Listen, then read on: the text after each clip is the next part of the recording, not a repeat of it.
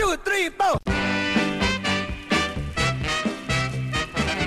Euskal Herria irratian, Metrópoli Forala.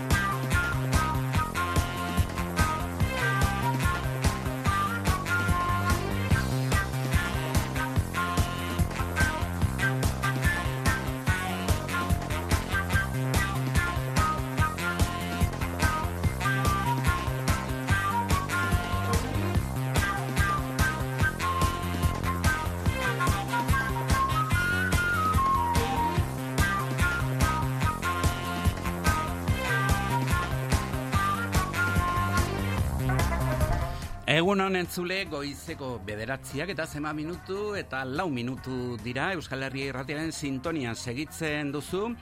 Kristalaren bestaldean, kontrolean, dena kontrolpean, Igor Eskudero Otamendi egun hon. Kaixo, peio, egunon. Eta kristalaren alde honetan, loizunea matria zabaltza, egun hon zuri ere. Egunon, peio arginarena. Bai, Aritz Pascual, Aritz Pascual, Mm. Urriza. Urriza, barkatu, barkatu, bar. Urriza, bai. Apuntatuko dut ziarko. Bai, U, R, Urriza. R, I, Z, A, e, bueno, edo urritza, nahi baduzu, ezta?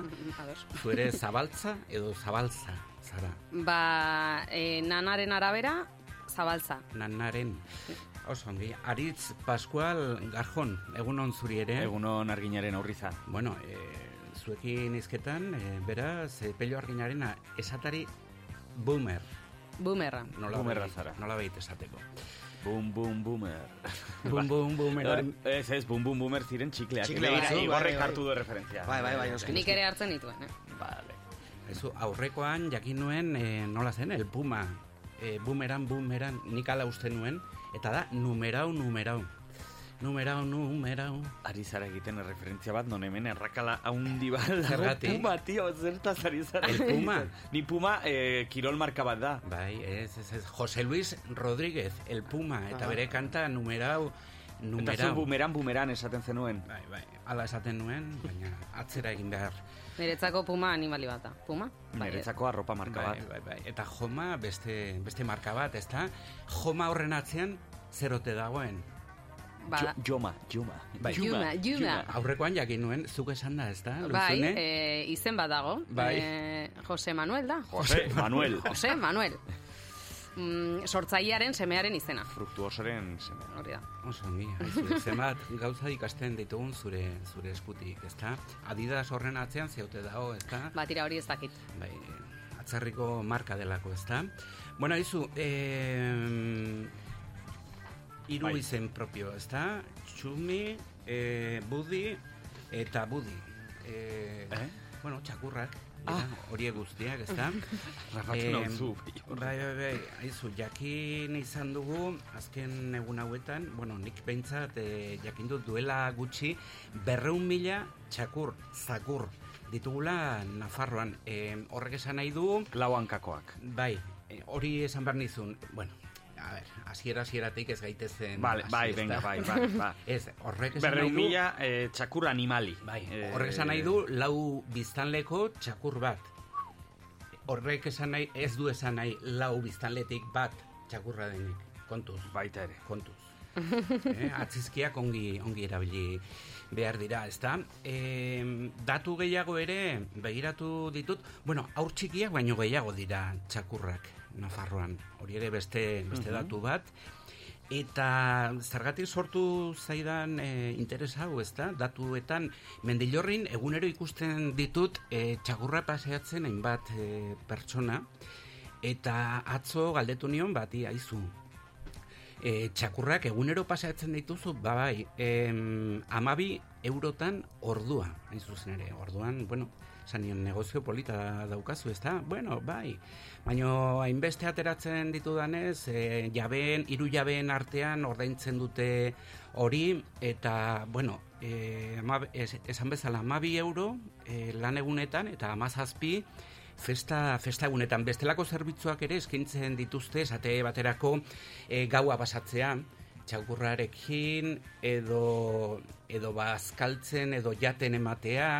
Bueno, Et, e, eta pertsona honek zenbat eh, txakur eh, paseatu ditu? nik egunero ikusten dut hiru, hirurekin. Hogeita euro. Uala, ualatik hartuta. Handiak edo txikiak? Sokaloz e, txikiak izaten Ah, dira bueno. normalean.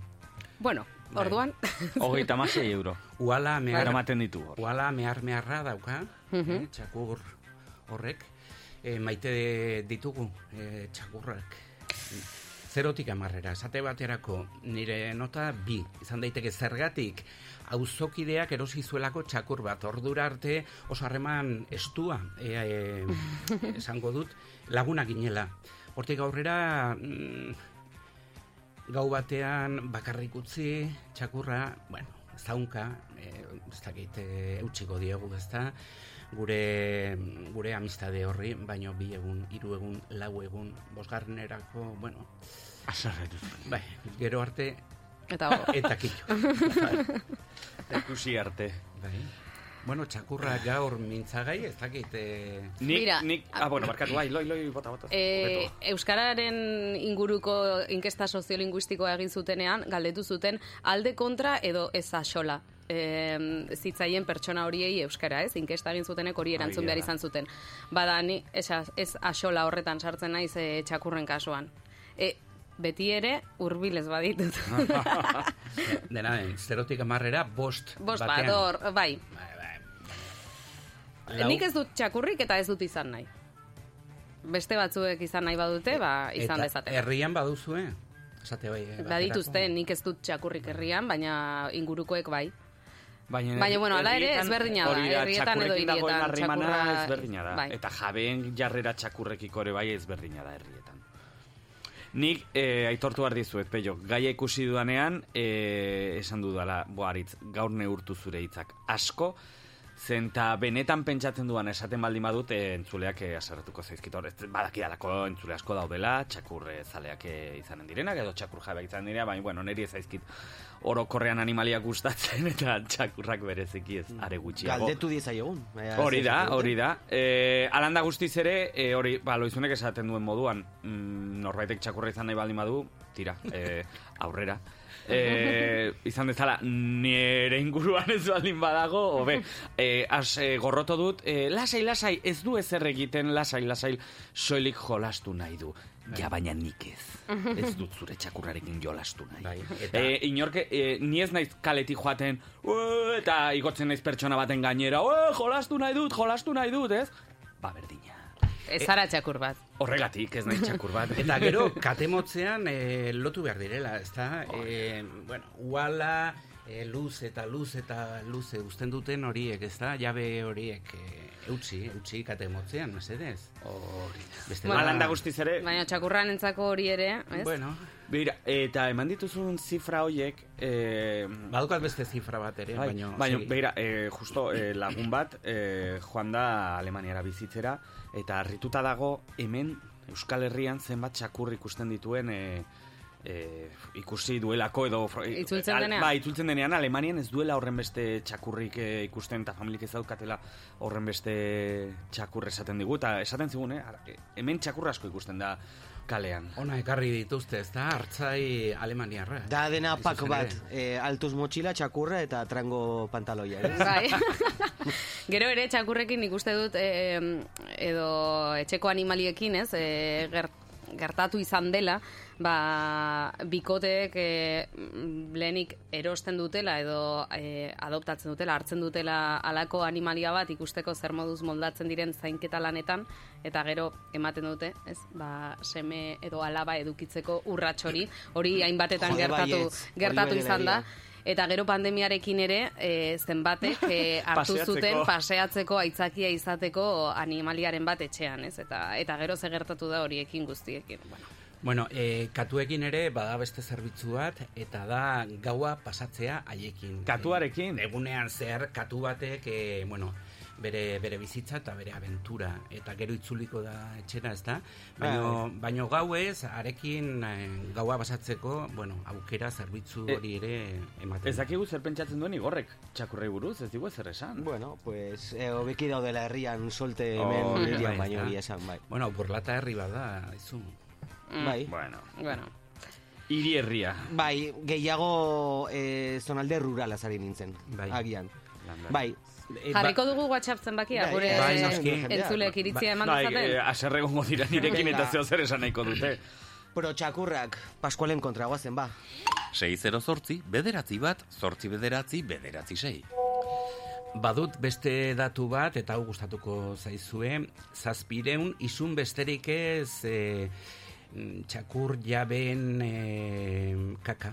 Kaka, e, Txakur jabeen kaka.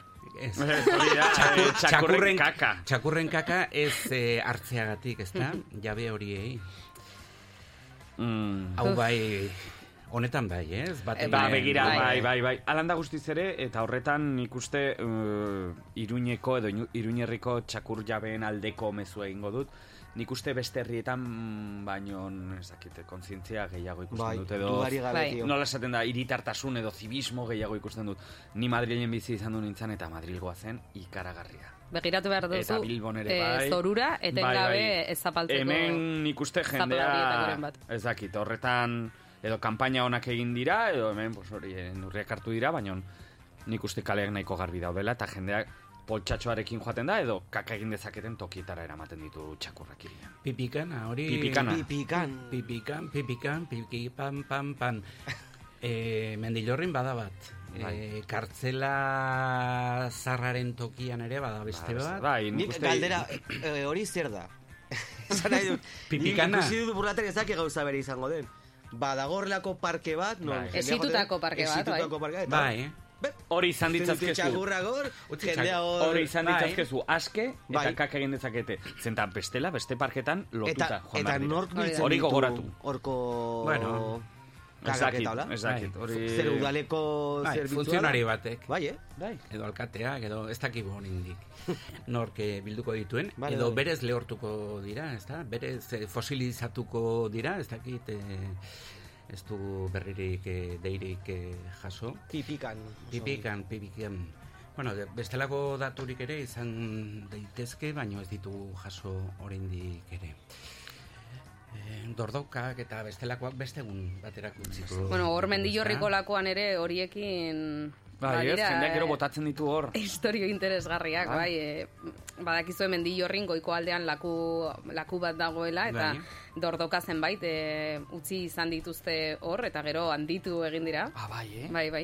Eta, eta gero arrainekin ere, e, izan zen duela gutxi alako e, arrain handi batzuk e, azaldu ziren, ez dakit horiek botatakoak izanen ziren, edo, edo hor bizitzen ja zeudenak ote ziren, ez dakit. Aizu, beste datu bat, em, utzi nahi baduzu em, kendu zure etxetik e, txakurra, lazareto batera eraman dezakezu. Lazareto. Lazareto, bai. em, Lazareto de Tormes.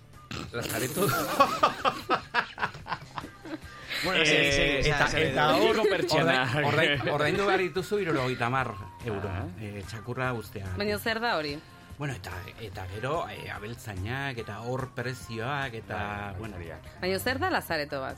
lazareto bat e, da e, toki bat hor txakurrak eta katuak hartzen dituzten toki bat, eta zuk betirako ja azten dituzu, ezta? Ah? Lazareto Txa, mun- txakurtegia. municipala. Txakurtegia. Txakurtegia. Bai, hori izan daiteke. Mhm. Lazareto, begiratu Googleen eh, Real, Academia. Real Academia Española. Bueno, eh, gaurko eguna, eh, nondik, nora, pipikan batetik bestera. Pipikan batetik bestera, ba, zuzen, pipikan baten ondoan e, izanen gara amarterdietan bertan amiantoak kaltetutako pertsonen elkarretaratzea eginen bata, baita ez pipikanean, baizik eta justizia jauregiaren e, aurrean eginen e, dute. Gaur ere bai e, kontseiluak e, Euskararen aldeko mobilizazio batera mm, deituko du, gaur eginen dute prentsa horrekoan e, deialdia, eta horrekin ere bai arituko gara eta gogoratu ere bai, e, goizean haiekin solastu garelako, ikama ikasle mugimendua gaur mobilizazio eguna duela eta manifestazioa abiatuko dute eguerdiko amabietan iruñeko alde. Zarretiko izanen dira gure gaurko albiste nagusienak gehiago izanen ditugu ordu bat aterdietako albiste kontakizunean. Begiratu dut, Lazaretok zer esan nahi duen, eta auker zaude, e, peio. Lazareto, Euskaraz Lazareto da, edo ospitale, eritasun kutsagarriak tratatzeko ospitalea zehazki. Bai, lazaretoa. Beste gauza bat ikasi dugu gaur. Bueno, irukoa bota eta batzutan faiatzen da hor bakizu. Bai, bai. ja, a- aroa jotzen dut, eta pa- kanpora dio jabaloia. Eh, Bueno. Baina lazaretoaren e, beko partea, aipatu duzu, goiko partean utzi egiten. dira. Ah, ah Bai, bai. eritasun, eritasun eh, Eritasunak dituztenak Eh? larrialdietan. Bukatu, mesedez, bukatu. Eta goian bukatu. Bueno, ba, bestelako kontuak, orain gaurko prensak zer dio gora pertsian aigor. Optika iruñaren eskutik, prentsa irakurketa. Zatoz gure optika eta entzumen zentrora. Aiozko monasterioa lau eta optikaliruña.com. Aritzen gaurko gunkari zer diote. Erregaien prezioari aurregiteko Espainiak hartu dituen neurriak gaurko albiste nagusi dira egunkari guztietako azaleko lerroburu nagusietan. Erregaia litroko hogei zentimo merkatuko dute ego euskal herrian uda arte azaltzen du berriak. Sánchezek gasolinako laguntzak, eh, gasolinarako laguntzak eta alokairuei muga iragarri du dio garak eta zentzu berean idatzi dute beren lerroburua bidiarioek. Datozen hiru hilabeteetan gainera kaleratzeak debekatuta daude enpresetan gerraren eragina dela eta gaineratzen du diario de Navarrak azpi titularrean. Argazki nagusietan kamioiak ikus ditzazkegu, berrian grebalarien pikete bat ikus dezakegu Bilboko portuko kamioiak gelditzen saiatzen, kamioi gehiago ari da lanean dio lerroburuak. Bidiarioetan bestelako kamioi batzuk ekarri dituzte azalera, Ukrainara laguntza eramaten ari direnak, sei kamioi abiatu ziren atzo iruñetik, eta nola ez, argazkiaren bila bertan izan zen Enrique Maialkatea zapigorria jarriz gidariei. Garakordea, Pablo González, Euskal Kazetariaren argazkia ekarri dute azalera, hilabete bat eman du dagoeneko Polonian preso eta inkomunikaturik. Oso ongi, ba, bederatziak eta emeretzi, bedera, bederatziak eta emeretzi minutu dira, ungiari gara gaur, eh? Eta bestelako kontuak eguneko deia egitera goaz segidan. Optika Iruña. Optika eta entzumen zentrua gure bezeroei zerbitzurik onena eskaintzeko egunez egun lanean. Optika Iruña Aiozko Monasterioa lau Donibane Uzoko osasunetxearen ondoan eta optikairuna.com webgunean.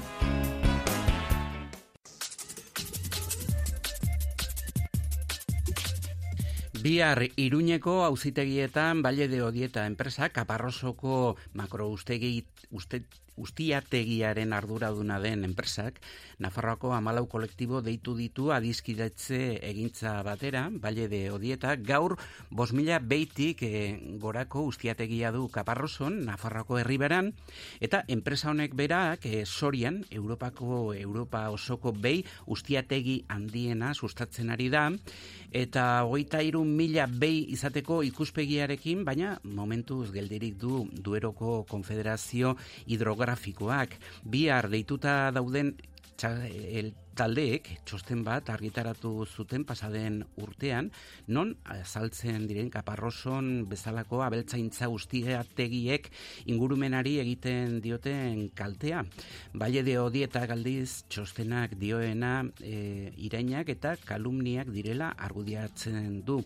Talde horietako bat Reas Nafarroa da eta telefonoaren beste aldean Imanol Zozaia daukagu Reas Nafarroako kide unon. Egun hon, peio. Bueno, nola iritsi gara momentu honetaraino? Beno, ba, esaten zenuen ez ez, e, pasaren e, urtean e, aurkeztu zen e, publikoki txostena, eta, bueno, ere bai, e, parlamentuko talde politiko guztiei, Nafarroko parlamentuko talde guztiei aurkeztu zitzaien, eman zitzaien e, haien e, txo- txostenaren kopia bat, ez? E, txostenak e, osoan e, eunta irurogeita emezortzi horri alde ditu eta 2000 eta emalautik aurrerako dokumentazioa jasotzen du, ez? E, bertan egindako e, praktikak eta, bueno, gehien bat, e, legezkan pokoak diren e, txostenak esaten duen bezala, e, praktikak biltzen ditu, ez? E, honen e, sorkuntza, e, talde ekologisten eta bertako herriberako kolektiboen e, zaintzaz e, sortu zen, ez? Eta haien e, haien e, iruditan, haien e, e, pentsamenduan, Nafar gobernuaren e, babes eta zaintza eza, ez? Nafarroko, e, kaparrasoko e, bai hori eta enpresaren e, praktikei buruz, ez? E, hori zaintza eza, eta e, horregatik esortu zen, ez? E, e, makrostiategi hau kaparro Nafarroko handiena eta eta bai Espainiako handienetariko bat, e, momentu honetan emeretzi expediente irekita ditu, e, haien, bueno, zehaztapen e, txosten, ez? E, santzioen e, txostenak, e, haien gehien bat e, e, obrak e, baimenik gabe egiteagatik edo ere bai e, isuriketak e, ongi ez egiteagatik, ez? Eta momentu horretan e, e, txostena sinatzen duten e, taldeek e, babesa eskatu zuten eta momentu horretan reasek e, sinatu egin zuen, guet gara txosten horren e, idazleak, baino bai babesleak, eta eta horrezegatik heldu gara momentu honetara. E, guk ez dugu idatzi, bai oastu dugu, eta bai horietaren ustez, e, kalumniak eta eta irainak direnez, ba, bihar auzitegian egongo gara e, adizkidetze aktu batean, ez? Hori da, kolektibo ekologista ezberdinetako amabos lagun salatu ditu enpresaren kontra informazio iraingarriak zabaldu dituztela esanez, e, eta talde parlamentarien artean eta gerraldi publikoetan besteak, beste hori dio enpresak, e, hemendik aurrera zer, zer espero duzu bihar? Ba, bueno, biharko ekitaldia bintzat, e, prozesu judizial guztietan bezala, e, nolabaiteko aktu prebio bat da, ez? E, adizkidetze bat, e, ea e, bi alderriak e, adosten diren. E, momentuz ez daki guze gertatuko den, e, bihar gertatu, bihar gertatuko delako, e, baina, bueno, gure, gure aldetik, e, uste dugu txostena, e, txostenak biltzen duena, ez direla bat ere ez da irainak ez da kaluniak, baizik eta makroustiategi baten e, praktiken e, eredu bat, ez? E, bai edo dieta edo kaparratzokoa ez da bakarrik e, ez da e, munduko makroustiategi bakarra, noski, eta Europakoa ez, da ere. Eta, bueno, triste, triste, triste da, baino horrela da, ez? E, enpresa hauek, prakti, enpresa hauen praktikak nola baiteko e, komunak dira, ez? Eta, eta repikatzen dira e, tokiz toki. Eta zuek zer espero duzue bihar? Beno, ba, gehien bat, e, uste dut, ni, ni behintzate presente ez naiz egongo, baina, bueno, e, gu, uste dut, e, e, jarrera onarekin joaten, joaten garela, era, gehien bat, enpresak zer, zer esaten duen e, jakiteko, eta horretan, e, eta horretan ikusiko dugu, ez? E, gure ustez, e, txostenak, e, biltzen dituen gauzak errealitatean e, bermatzen dira, e, e, txostenak sinatzen, txostenak sinatzen duten kolektiboek e, esperientzia handia dukatelako e, lurraldean eta eta gai eta gai hauetan eta ikusiko dugu, ez? Eguke prozesua aurrera emateko indarrak ere bai ditugu eta gehien bat duela aste batzuk onera, ba bes ere bai eskatzen ari dugu eh iritarrei eta eta nahi duenari e, interneten bidez sinatu daiteken formulario batean eta eta horrela horrela ari gara uste dugu bueno e, aukera polita dela eh pizka bat e, gai hau azaleratzeko eta eta ikusiko dugu bihar peio ze, gertatzen den baina bueno Ikusiko dugu, Imanol Zozoia arreaseko kidea, e, honek soka luzea ekarriko duenez, berri hitz egiteko parada izanen dugu. Eio, Imanol? bai. Peio, galtxo bat, eh, nahi duenak eh, txostena interneten ikus dezake eta eta gure eh, sare sozialetan eta eh, web elektronikoan ikus dezake sinadura eh, txostena, bale? Osongi, aio eta ongi zan. Aio, agur.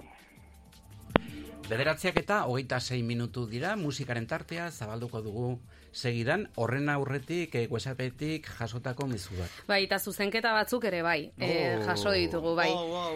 Pik, e, pipikanetan ere, kakak bildu behar dira, dio e, entzule honek. e, Izenik ez du bidali, baina tira, e, ados. E, hori jakin dezazuen. Beste batek, e, idatzi digu, nire plazan amabost zakur egunero. Bider, bi tisa, e, txisa, pentsatzen dut, hogeita mar e, txisa egunean bederatzireun hilean, kalkuluak egin ditu, eh? Amar mila zortzireun urtean, inork ez ditu hartzen, isunik ez, eta hor jolasten dira neskamutikoak. Kexu, beraz, e, Entzule hori. entzule hau. Eta e, beste bat ere jaso dugu, e, bidali digu Iruñeko udalak e, baduen e, galdera ohikoen e, orrialdea, Eta dio, bertan, zakur bat galtzen denean nora eraman behar den azaltzen da. Euskaraz, zakurtegi hoi agertzen da, erdaraz, antiguo lazareto kanino. Begira. kuadrilla. Eh, sartu dut, eh? Bai, bai, azkenean, azkenean sartu Iraka du. ibili da baloi hor. Rebotera eta... Ongi, ongi, ongi. Polita izan da. Bai, hori da. E, dio, begira, e, sartu naiz e, estekan, eta dio, kaleak, e, kalean e, txakur edo katu bat aurkitu dut abandonaturik. Zer egin behar dut? Eta erantzuna da, deitu udaltzain gora, edo jarri harremanetan animaliak hartzeko zentroarekin, zakurtegi oia, edo lazaretoa, horko langilek hartuko dute animalia. Oso ongi, medialunan katu plaga bat. E, omen zegoen, e, horri buruz beste egun batean solastuko. Katuak beste egun batean, bai. Musikaren tartea segidan. Izarra tanatorioen eskutik, kantatalka. Oh.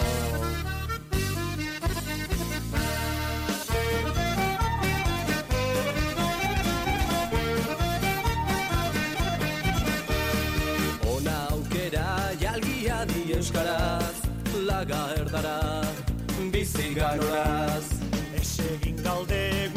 bat lagunote Irekin asko Agian hau izan daiteke, nik, e, e, bueno, memorian daukadanan, korrikako lehen abestia, baina oroitzerien zela, ez? Osea, bizitu Bai. nuela. Horrega, horregatik ekarri dut. Gerorantza Guazen korrikaz Ona aukera jalgia di euskaraz Laga erdara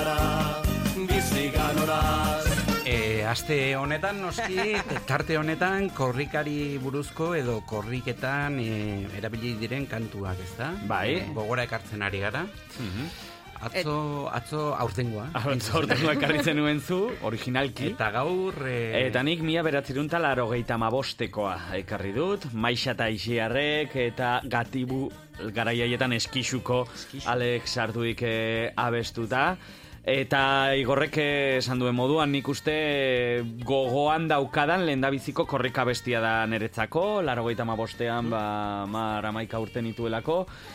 Eta, bueno, e, garai horietan gainera maixa eta isiar e, punta-puntako taldea zen e, guretzako, Euskaraokean e, aritzen zen e, aritzen zirelako, eta, bueno, ba, kantu hauek, Euskaraokea, bai, bai, bai. Eta, bueno, e, abesti hau gainera nik uste oso entzuna izan. E, jarri dudanean, hiruak hasi gara beste. Bai. E, Bai, bai, bai, Igor, bai, Loi bai, eta bai. nik beraz. Abesten eta dantzan. E, ez dakit Bai. ze irizpide erabiliko duten gure entzuleek e, botoa ematerako orduan aste honetan, ze izan daiteke, ba, ez dakit e, gogoan dutelako, ez dakit oroitzapen politen bat edo iradokitzen dielako abestiak, edota iruditzen zaielako korrika egiteko aproposena. Hori da. Eta bi aukera izan dira aste honetan, nik honen alde eginen nuke. Baina tira, oraindik nire aukera falta da, eta, eta, igorrena. ere, Bai. Alan da guztiz ere, milenialak eh, badaukaten hori bozka eman, eh, maixa eta isiarren eh. Kontuz, e, Kontuz. urrengo korrikarekin, esan dut, hau izan zen bederatzi garrena, Bai, amargarrenarekin. Hori ekarriko duzu? Ez, ez, baina hau bezain famatua da, tio. Horentxe, ze aurrekoan begiratu nituen abezintzu Bai. ziren abestiak eta, eta honen ondoren zijoana, ere oso oso oso famatu izan zen. bai. Bai, ez dute esango, ez dute esango. Eh, Bada espada. Bai. Bueno, egin nik zen. gero begiratuko dut Ja, ja, zerrenda ja, ja, erabakitzeko. Ni ari naiz begir. Hombre, bai, badaki... Gozategirena zela uste dut. Eh, Bai, gozategi... Gozategiren kor- osea, Nik korrika atzai patu abesti nuen, bai, Bai, bai, bai, bai. Mitikoena, eh? korrika... Bai. Eh, bai, nik hori aipatu nuen atzo, Bai. baina sorpresa eman nahi nuen. Bai, eh, bai, atzo bai. aipatu nituen egan eta gozategi, baina nik ekarri dut maixa eta isia. E, maiak ez dauka inungo errurik. Errurik. Ba, Eta pixkot indartzeko nere posizioa. Bai, eta bai, nere bai. bozka eskaria. Hortxe. Hortxe. WhatsAppean eman dezakezue bota. Bai, noski. Ez dakarri 608, bederatzi bat, zortzi bederatzi, bederatzi sei. Tira, ba hori, peio. Gainera gogoan dut eh, logo hau, bakizu bede, Bai, bederatzi. bederatzia Bai. horrelako... Bai, errepidearen Errepidea. forma egiten zuen da. Nik uste dut niretzako ere e, nik hiru urte baino ez dituen, beti aipatu behar dut. E, urteak aipatzen dituzuenean asko. hori ere gehitu behar dut. Zas! Baino hala ere nik e, kamiseta hori ba, e, izan nuen eta eta bestia hau ez dakit oso presente dut, bai. Ba, begira. E, loiren bozkare bai badaukat. Ez, ez, ez, ez, ez. Peio. Nik larogeita maikako Pascual bat. kamiseta oinezekoa daukat. Oinezekoa. Eta rabiako oineza. Noiz baita ere Bai, bai. hitz egin dugu kamiseta horren Bai, inguruan. bai, logoa, ze polita izu. Pa, pa, pa. Bat bederatzi, bederatzi, bat. Te, te, te, te, te, Bai. te, te, te. Ba, mil esker honitz, eh, pareja, nahi duzuen arte ongi izan. Ordu bat eta arte. Pipikan batera? nora Pipikan zoazte? batera goaz.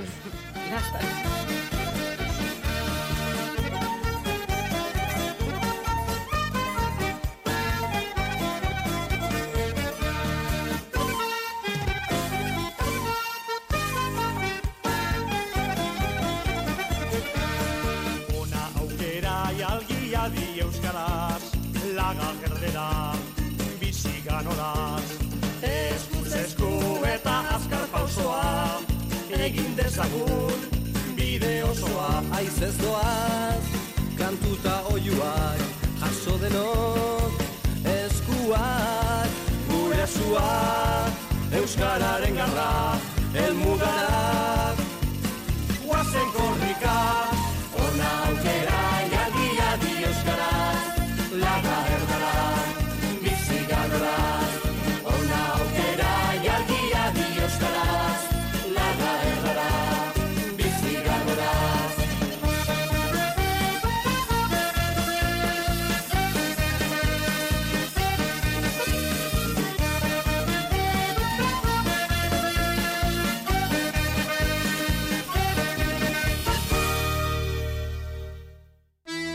Izarra tanatoriaren eskutik, kantatalka. Iruñeko erdigunean gaude, baita txantrean, sakanan, baztanen, malerrekan, bortzirietan eta lizarran ere. Izarra tanatorioak, hemen, zure ondoan.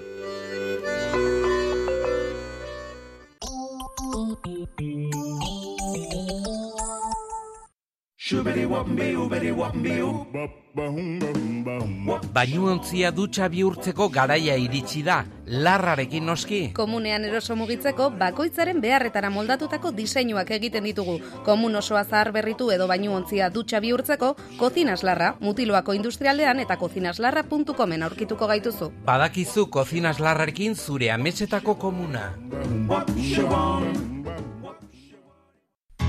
Kirola egitea gustuko duzu? Itxaso karabanak zuretzako diseinatutako kanperrak. Mugarik gabe bidaiatu nahi duzu? Zuretzat diseinatutako autokarabanak eta karabanak. Bidaiatzeko orduan erosotasuna bilatzen baduzu, itxaso karabanak. Eskirozko bigarren eskualde industrialdean, iruñetik bost kilometrora. Hogeita mar urte baino gehiago bizi eta bizi modu honetaz gozatzen.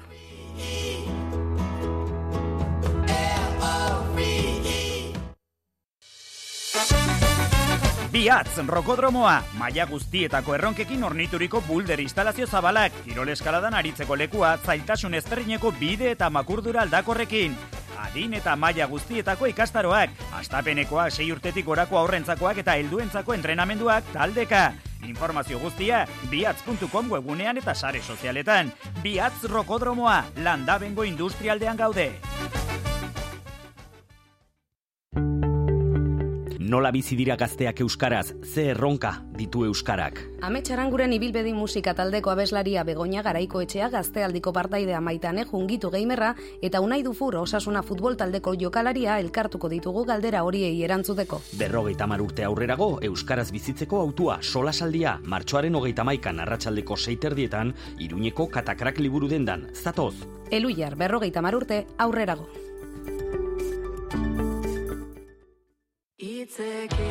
Korrika badator, martxoaren hogeita maikatik apirilaren amarrera, amurriotik donostiara, hitzekin, aurrera korrika!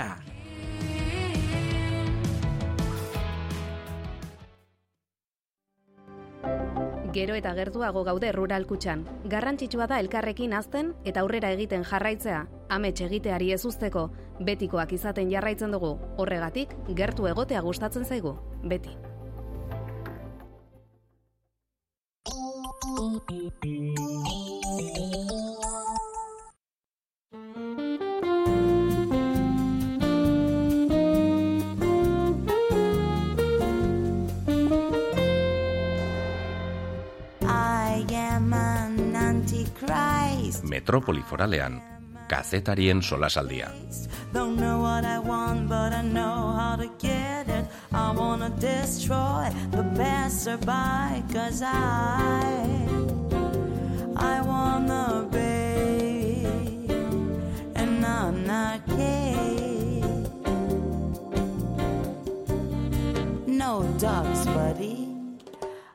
Anarchy for the UK is coming sometime, and maybe I give a wrong time, stop a traffic line.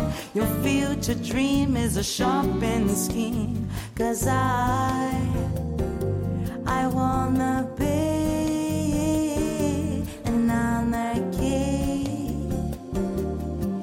in the city. Goizeko, goizeko amarretarako bidean, hogeita bi minutu besterik ez kazetarien solasaldia zabalduko dugu segidan, aktualitate politikoaz, gaurkotasun politikoaz eta sozialaz ere, bilagun gure artean, garako Martxelo Diaz, egun hon? Kaixo egunon, ze moduz. Ongietazu berriako Jon Orzaiz ere gure artean daukagu, egunon. Kaixo egunon.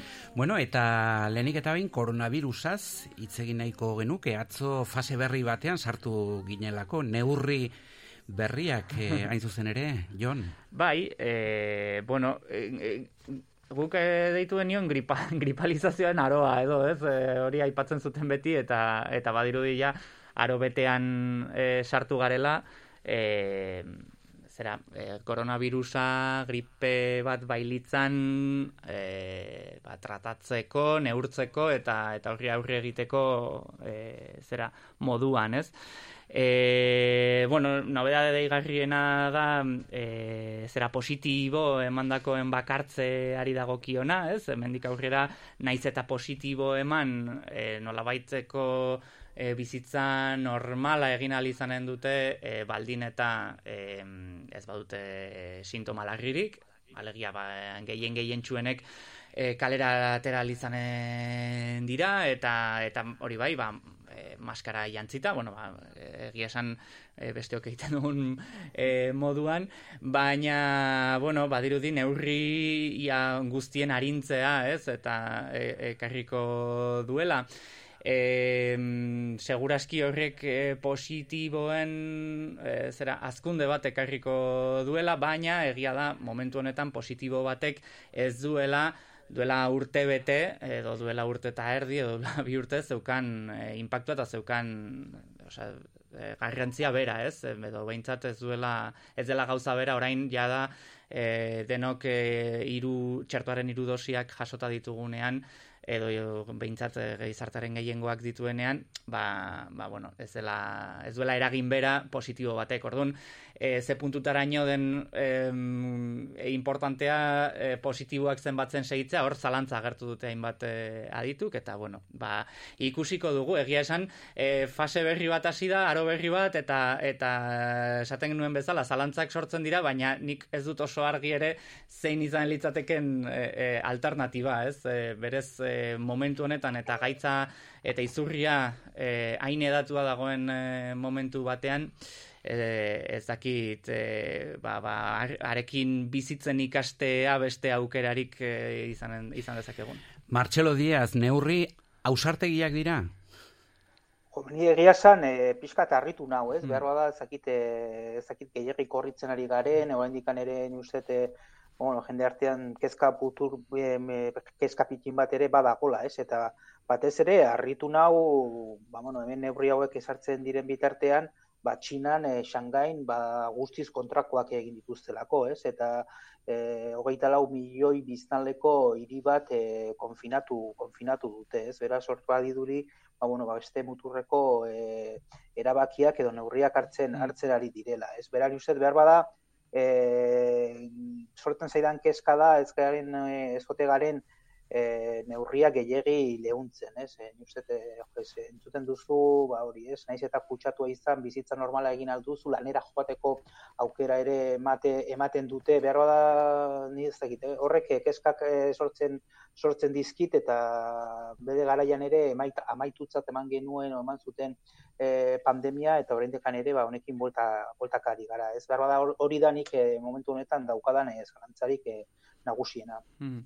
Bai, nik, nik gehi- gehitu nahi nuen hor, e, ba, Martxelok esan duenaren hildotik ere, eta berak eh, aipatu duenez, em, zera, hor bai nabari dela, ez, e, hemen em, lanera bueltatzeko e, behar moduko bat, ez, em, naiz eta gaixo egon, eta hor bai arriskua dagoela, Ez bakarrik eh, arrisku pandemikoa edo osasun arrisku bat, baizik eta eh, zera, langileen eskubideetan atzera egiteko arrisku bat na- nabari dut nik, ze eh, berez e, gripearekin ere gauza, gauza bera esaten genuen, alegia, e, bueno, pertsona bat gaixo baldin badago, gaixo dago, eta eta komeni da etxean gelditzea, naiz eta sintoma arinak izan besteak ez kutsatzeko, alegia, ba, ba, ez, e, nai- naiz eta zu, bueno, ba, ba, egoera honean egon lan egiteko, agian ez da komeni e, bulegora joatea. Hortaz, hori, e, langileen, e, langileek e, konkistatutako zera, e, e, eskubide bat izan zen, eta green bat, nahi bat e, igartzen da horietan atzera egiteko, ez? Naiz eta gaixo egon zoaz lanera, bueno, ba, agian ez da, ez e, solidarioena, ez arduratsuena momentu hauetan, baina e, ikusten da, bueno, ba, bai, badaudela hor interes ekonomiko batzuk, e, ba, ba, gainerakoa gainditzen dutena, ez? Horri- hor- Horrik bai, horrik bai sortzait kezka, ez?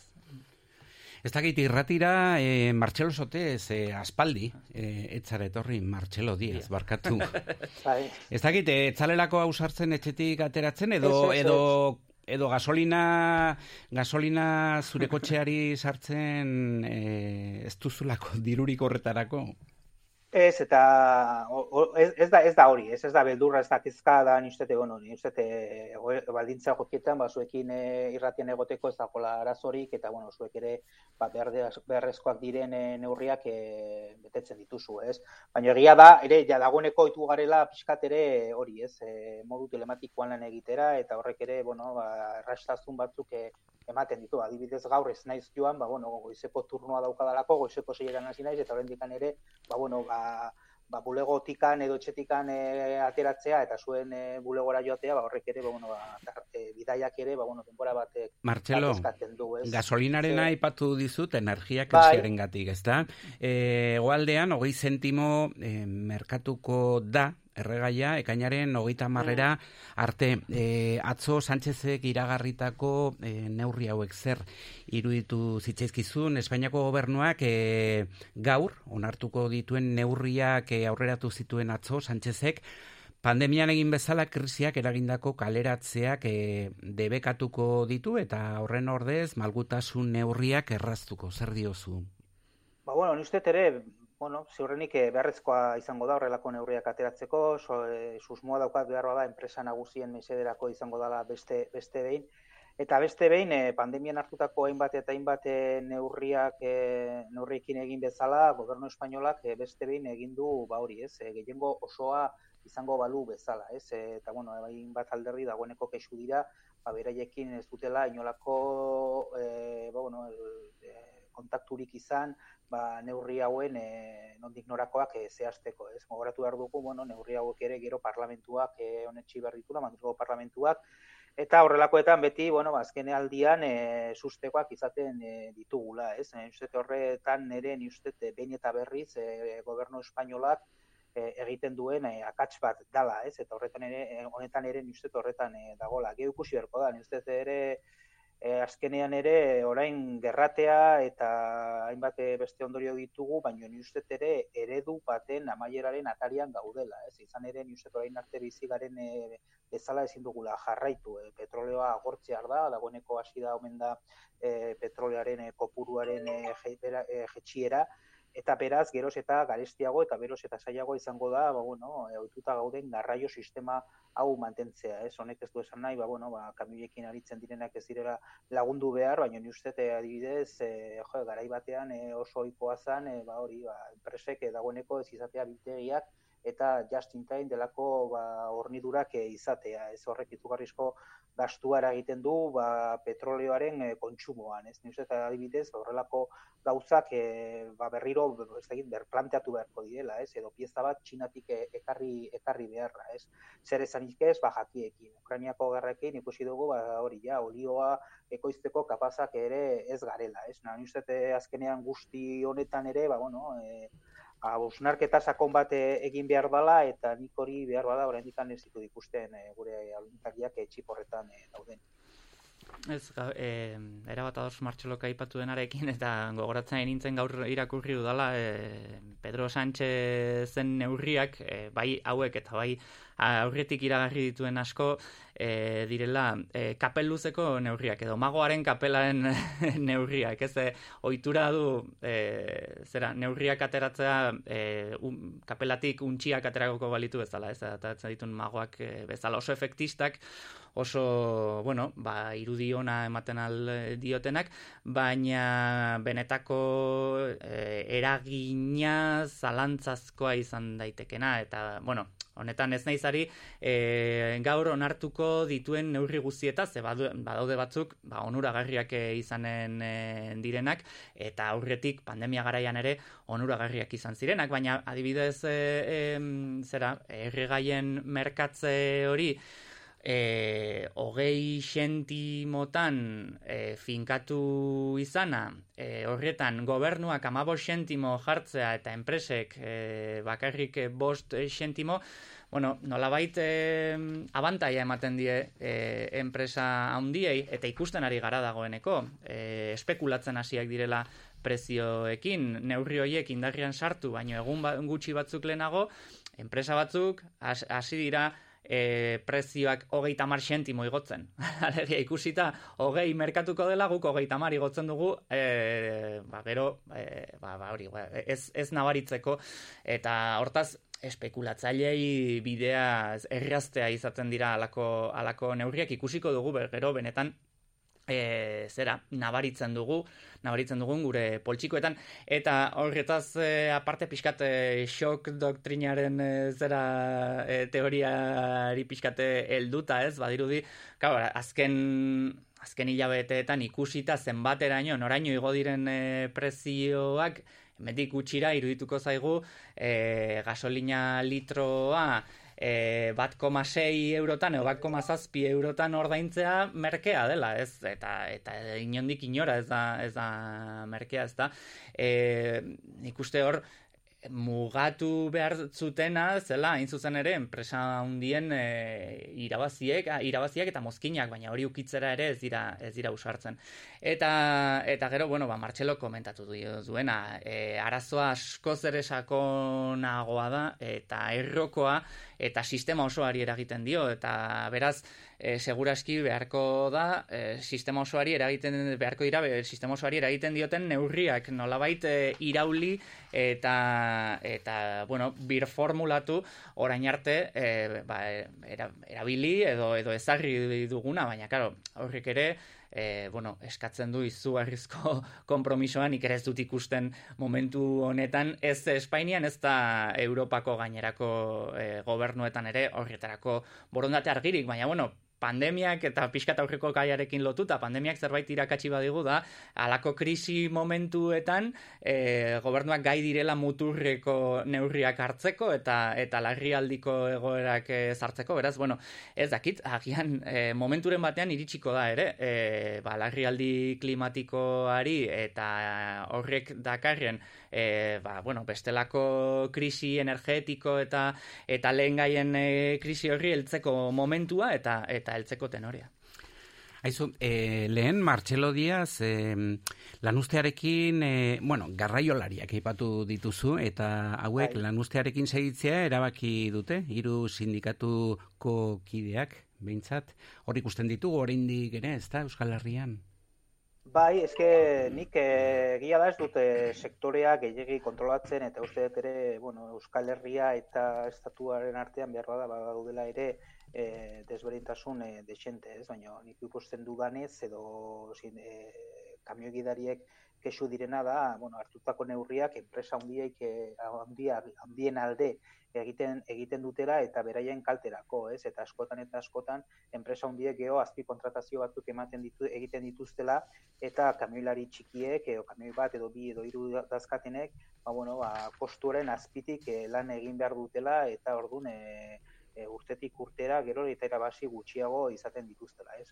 Fiskat ere ni uste nekazariek egiten duten e, kexaren e, antzekoa dugula mai gainean, ez? Eta nire horretan ere, ba, behar behar sistemaren, e, sistema a, a, afera sistema, sistema bera da, ez? Nire eta azkenean horriko oligopolio batzuk daude, eta, bueno, horiek dauzkate garraioen kontrola, baina azkenean gero azpi kontratazioan, eta ba, lan baldintzak askarretan oinarritzen da, ba, egunerokotasuneko lan hori aurrera eramateko ardura, ez? Beraz, ni uste horretan dagola une hauetan e, arazoa, ni ez Euskal Herrian e, oraindik greban daudena hiru bezalako e, sindikatu bada eta bueno, hauek ni uste e, klase sindikatu bezala e, jode genezakela, borroka askotan e, egon dira ba, la pela edo ene sindikatuekin, eta ni uste zentzu horretan e, kontuan itzen behar dugula, zenolako perfila dazkaten e, langile horiek, eta batez ere, nire ustez, Madrildikan hartu diren neurriak, batez ere, enpresa hundiei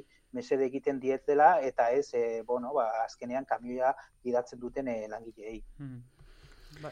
Jon, e, gidariek diote, kamioia arrankatu bezain pronto galerak ditugu. Bai, bai. Hori, hori esate dut eta eta egia da eta Martxelok esaten zuen bezala azkenean eh, hor e, ba, pagaburuak e, ba, ba, langileak e, izaten ari dira eta eta ezain beste enpresak naiz eta e, Madrildik etortzen zaizkigun albisteak askotan ba, bestelako kutsua izan nikor Bai, e, berak e, esan duen bezala, e, aldea ikusten dut, ez? E, handi bat, e, bai, e, ba, Euskal Herrian gertatzen denaren eta eta Espainian gertatzen denaren e, artean, ez da? Ze, e, Espainian hau planteatuta zegoen e, e, zera, lanuzte patronal bat e, gixara eta e, ikusten genituen e, adierazpen batzuk etzienak langileenak, zielak zirenak la, e, enpresa hundienak eta eta nolabait eh, hoiek ordezkatzen zituzten eta hoiek hartzen zuten nolabait eh, garraio sektorearen e, e, izenean, ez, ba, hitza eta eta representazioa, ez, bere bere gain, baina egiten zituzten erreklamazioak askotan ez ziren e, ez e, klase reklamazioak, baizik eta politikoak askotan, ez, e, ba, gobernuaren kontra eta eta bueno, ba, hortaz ulergarria da e, sindikatu batzuk e, konforme ez egotea lortu diren e, e, zera akordioekin eta segitu nahi izatea, ba, esan dugun bezala, e, ba, nola baite, lortuko diren akordio horiek, ba, garraio lariei, beraiei, e, mesede egin diezaieten, ez? Eta, eta ez, e, betiko enpresak nolabait e, aberasten segitzeko, eta e, e, edo helburu politikoak nahi dituzten beste sektore horiek kontent e, usteko, ezta?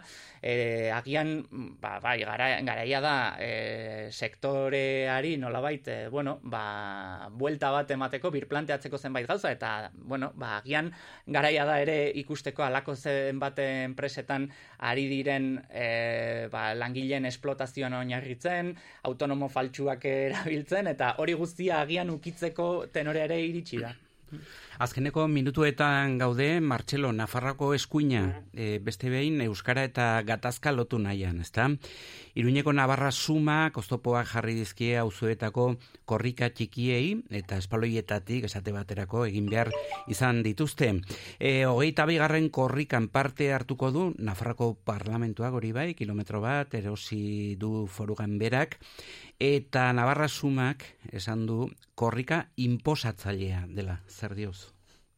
Bai, bani uste tebe beste behin eh, hor Navarra sumak e, arazoa daukala, ba, Nafarraren hortasunaren parte den eh, hizkuntzarekin, ez? Eta ez du beretzat hartzen eta edozein gauza egiten dela bere, bere alde, normalizazioaren bidean egiten den edozein gauza, ba, bueno, eraso bat bezala e, hartzen du. Ez nuzete, kasu honetan, Navarra sumak duela, duela arazoa. E, nuzete, korrika bezalako ekimen bat, e, era bat parte hartzailea dela, e, oinarretik eginda, auzoetan e, bat ekimen egiten dituena, e, ritxikietara ere heltzen dena, ba, pixka bat e, dinamizatzaile a, dana hori erasotzatu bezala e, hartzea, ba, nuzet, e, bueno, ba, egiten uste torra e, Navarra sumaren arazoa dala, ez? E, betikoan gaude, e, Alberto Bonilla e, Navarra sumako parlamentariak esan zuen e, Twitterren bidez, ba, bueno, azkenean etaren apologia egiten dala e, korrikan, uste hori ere, bueno, aterako dute ziurrenik personalde ateratzen den argazki bat, baina uste hori ere ez dula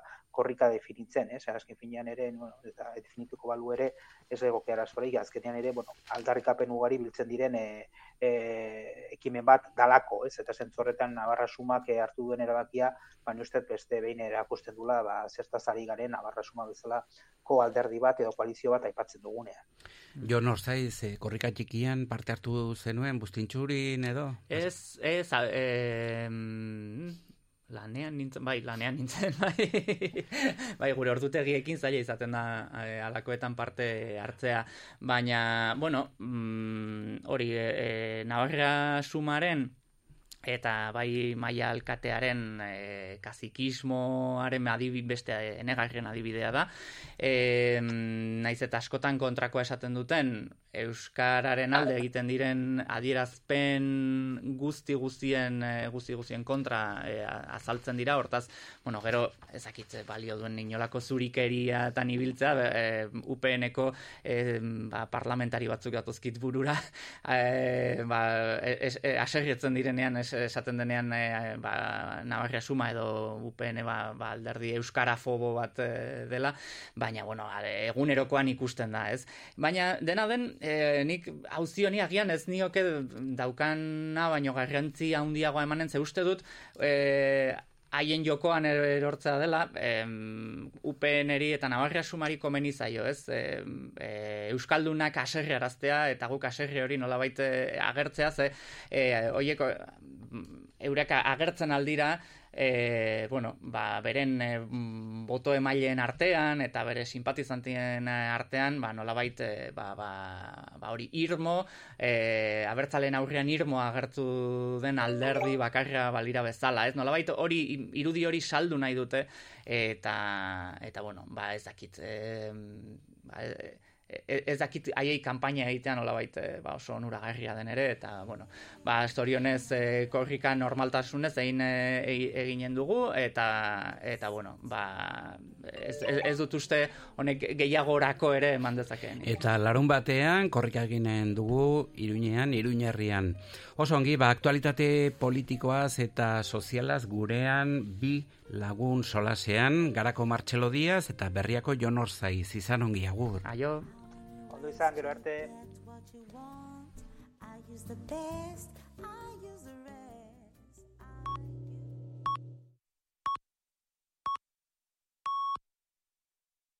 Goizeko amarrak dira. Euskadi Irratiko Informazio Zerbitzuak. Albisteak. Egon guztio urrengo negua aurrekaririk gabekoa izan litekela ohartarazi du Frantzian gasa banatzeko ardura duen sareko arduradunak eta gas konsumoa gutxitzeko eskatu du gasa denentzat egondadin. Ukrainako gerraren ondorioz Errusiako gas importazioa bertan bera erabat edo inbatean gera daitekela ohartarazi du eta energia alternatiboak erabiltzeko pentsatzen astea eskatu die Frantziako konsumiltzaile handiei, industriari edota saltoki handiei, biogasa esate baterako. Aurten gas eta energia urniketa ziurtatuta dago, baina prezioa izaten ari da gakoa, eta hain zuzen Espainiako gobernuak gasaren prezioa mugatzeko eta petrolarien prezio gorakadari aurre egiteko zein laguntza eta erabaki hartuko duen iragarriko du eguardian. Hiru lurraldetako aldu nagusiek ere laguntzak iragarriko dituzte, itxuraz laguntza fiskala gizan litezkeenak irurek elkarrekin egingo duten agerraldien.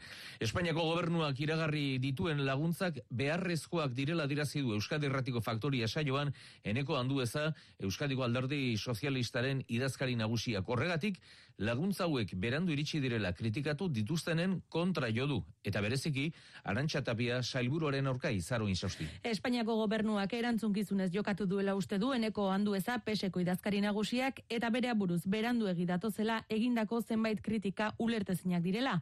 Tartean Arantxa Tapia sailburuarenak erraza delako esaderako etekin politiko ateratzeko asmoz handuezaren arabera norberak neurririk hartzen ez duenean kexu agertzea. Arantza Tapiak eh, Espainiako gobernuak hor kritikatu egin zuen horren inguruan, eta nik uste hori ba ulergarri izango litzateke amengo gobernutik neurri batzuk hartu hartu eskero, ez da, baina ondino ez dugu iz, eh, entzun edo behintzat ikusi Arantza Tapiaren ez, eh, ahotik inungo proposamenik Hezkuntza legeari dagokionez, publikoaren aldeko plataformen mesfidantza normala dela uste duan duezak, ponentzian korapilon mardulak izan direlako, baina sozialistek publikotasuna erdigunean jartzeko esku hartzea azpimarratu du, eta lan asko dagoen arren egiteko Euskal Gizartearen zatalik eta lege onena lantzeko erronkak aurrera jarraitzen duela berretxitu.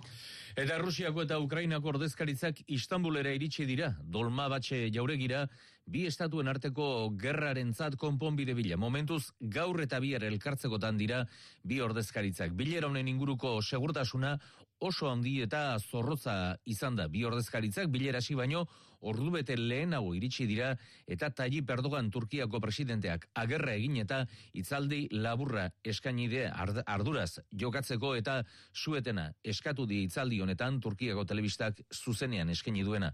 Bilera honen aurretik Volodymyr Zelensky Ukrainako presidenteak Errusiaren aurkako zigorrak gogortzeko eskatu dio nazioarteari eta Rusiako armadari aurre egiteko armak ere bai. Zelenskik ziurtatu du Kieveko frontean Ukrainako soldaduak galdutako lurrak berreskuratzen ari direla. Kremlinetik bien bitartean Dimitri Peskov bozeramaleak zehaztu du Errusia ez dela pentsatzen ari Ukrainan arma nuklearrak erabiltzea. Putinek Ukrainan operazio militar bereziaz ari zela ari zirela prestatzen esan zuenean etzela arma nuklearrez ari zehaztu du Peskovek. Gertakarien atalean sute batek kalte handiak eragin ditu Arabako soldadura eskolan. Segurtasun sailak jaginarazi duenez, Gamarra inguruan dagoen ikastetxean sua piztu da gau erdia pasata. Piztu den pabiloian kalte handiak eragin ditu eta ondatuta utzi ditu aldi berean inguruan dauden beste hiru ez da inor zauritu eta soiltzaile goizaldeko ordu biterdietan itzali dute sua. Bilboko metroaren lehen lerroan berriz, atzerapenak dituzte gaur, astrabudu eta erandio arteko geltokietan esi bat erori delako Sonia Palomino Metro Bilbaoren komunikazio arduradunak azaldu duenez, esi hori sendotzen ahal egintzen aritu dira, baina azkenean erori eginda. Orain bide bakarra dago zabalik joan etorrirako eta horregatik ezin du metroak ohiko maiztasuna eskaini erori den esi zatiak kentzen ari dira, baina Bilboko metroak ez noiz berreskuratu halko duen ohiko zerbitzua. Errepide sare nagusiari dagokionez, orain arazo bakarrak ene bat errepidean daude, Tolosan bi autokistripua izan dute, lasarteran zijoa zela eta errei bat itxita dago oraindik segurtasun sailak esan digunez. Hori dela eta kilometro bat inguruko autoilara dago. Bestetik, iruko garraiolariak eh, olaberrian hasi duten protesta orain andoain parean dago eta bertan trafikoa mantsoagoa da lasarteko norabidean hemen ere.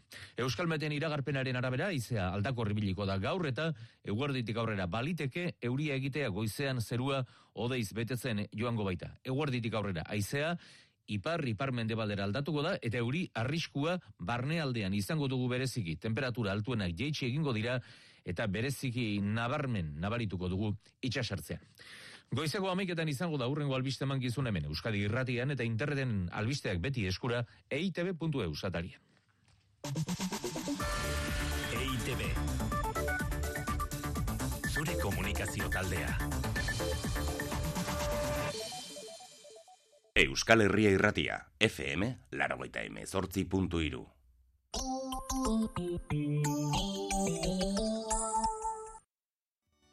Tiene la mejor verdad que mis ojos han mirado. Abian da Bira Nafarroan Barnaren bigarren edizioa. Ostiral honetan arratsaldeko sortzietan Jolis Muñoz zintronikon. Tienes el fuego en tu labio. Kontsultatu Bira Nafarroan Barnaren informazio guztia kulturgune bakoitzean. Bira Nafarroan Barna. Yo no me canso de escucharte. Cuando despegas tus labios los cielos se abren.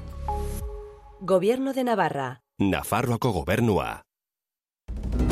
Errigora, asmondiak eta oinak lurrean ditugu. Zatoz eta segi dezagun beste konsumo eta ekoizpen eredu bat gauzatzen. Auzolanean eta euskaraz. Nafarroa erdi eta hegoaldeko baratzetako produktuak Euskal Herriko plazetan ditugu berriro. Bete despensa urte osorako oliba olioa, kontserbak lekaleak, arroza, pasta. Informazioa eta eskaerak errigora.eus webgunean martxoaren hogeita marrera arte. Baratze bat Emakumeen osasunari garrantzi handia ematen diogu ekiaeko denan garrantzitsua baita barrutik eta kanpotik zaintzea.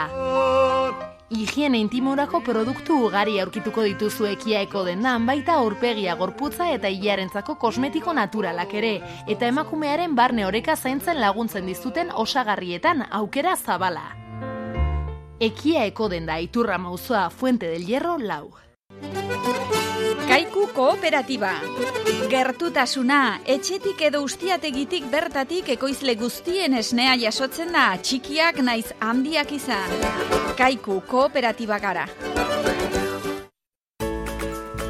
Karrikiri kantolatuta nano antzerkiaroa, martxoaren hogeita maikan osteguna zazpiterdietan, karrikiri elkartean, liburu bati tiraka, kepa errastirekin, sarrerak salgai karrikirin, iru eurotan, nano antzerkiaroa, iruñeko udalak, Nafarroko gobernuak eta eusko jaurlaritzak babestuta, karrikiri, iruñeko euskaldunon topagunea, Xavier Karrika, lau.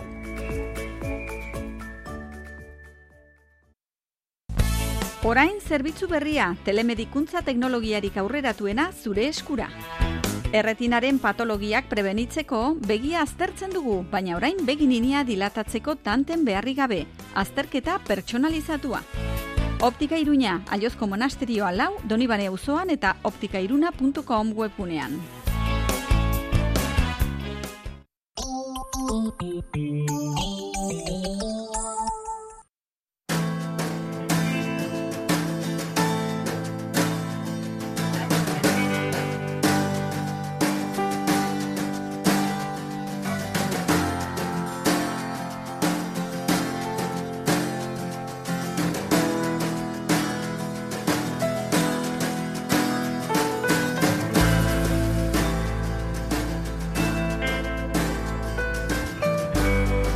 Egun hon berriz ere entzule, goizeko amarrak eta zortzi minutu direnean, Euskal Herri Erratiaren sintonian segitzen duzu FMko laroita emezortzi puntu iru eta saren, sarean Euskal Herri Erratia puntu eus eta metropoli forala zeharkatzen segituko dugu beste ordu batez.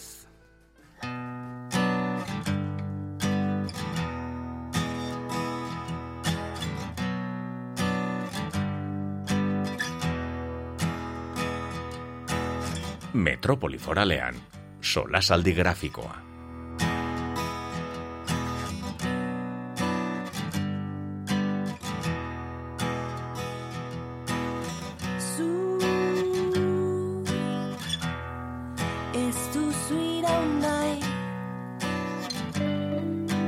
Jarraia Metropoli Foraleko kamera eskuartean hartu eta zoomaren bitartez, luparen bitartez, aktualitateko zenbait irudi begiratzeragoaz, gaurkotasun handiko lau argazki, hautatuko dizkigute ondoan ditugun bi lagune, Koiana Iguaran, bertsolaria eta kazetaria egunon. Egunon bai. Eta Oier Zúñiga aktorea eta marrazkilaria egunon. Egunon zuei ere. Bueno, lehenik eta behin, oier, eh, gazteizko hiri garraioko autobus batean eraso arrazista dela eta zuk eh, bilabesa horren eh, barrutik egindako irudia ekarri duzu gurera. Bai, berez, ez da argazki argazkia bideo baten kaptura da, ez? Eta nola erasotutako bi emakume beltzek eh, grabatzen dute nola autobus gidariak, autobus eh, garraio publikoko au- autobus gidari batek eh, nola ba hori iraintzen dituen eta eta eh, irain arrazistak eh, egiten dizkien, ez? Eta flipatu dut zeren iru- eh, zera berria irak Bai, bai, badirudi, e, bai, ez, ez, dugula, ez dugula jaso orain teknikoki bere hitza. Em, oiana iguaran, e, bueno, zuk gasolindegi batean hartutako irudia, oier hor zaude? Bai, bai, bai, ez Bueno, dakit, Seg- gertatzen dira bai, horrelakoak teknik. Bai, aizu, segi, eh, autobusaren eh, kaptura, ezta? Bai, eh, ez dakite non geratu garen, baina... Bai, baina, eh, eraso arrazista, ez da, autobus batean, eta bideo bat eh, plazaratu dutela, eta zu kaptura egin duzula, eta hortik aurrera zer. Bai, eta flipantea da, bueno, ba, ematen du, ez, ez zuela gelditu, ez, geldi, gelditzeko, zera, geldiune bat eskatu zutela bi emakume hauek, eta ez zuela gelditu, ez, eta e, bi emakumeek, ba, nolabait, e, azalpenak eskatuta autobus gidariari, ba, autobus gidariak, e, bueno, ba, irainak eta eta mehatxuak bota zituen bi emakume beltz hauen e, aurka, ez?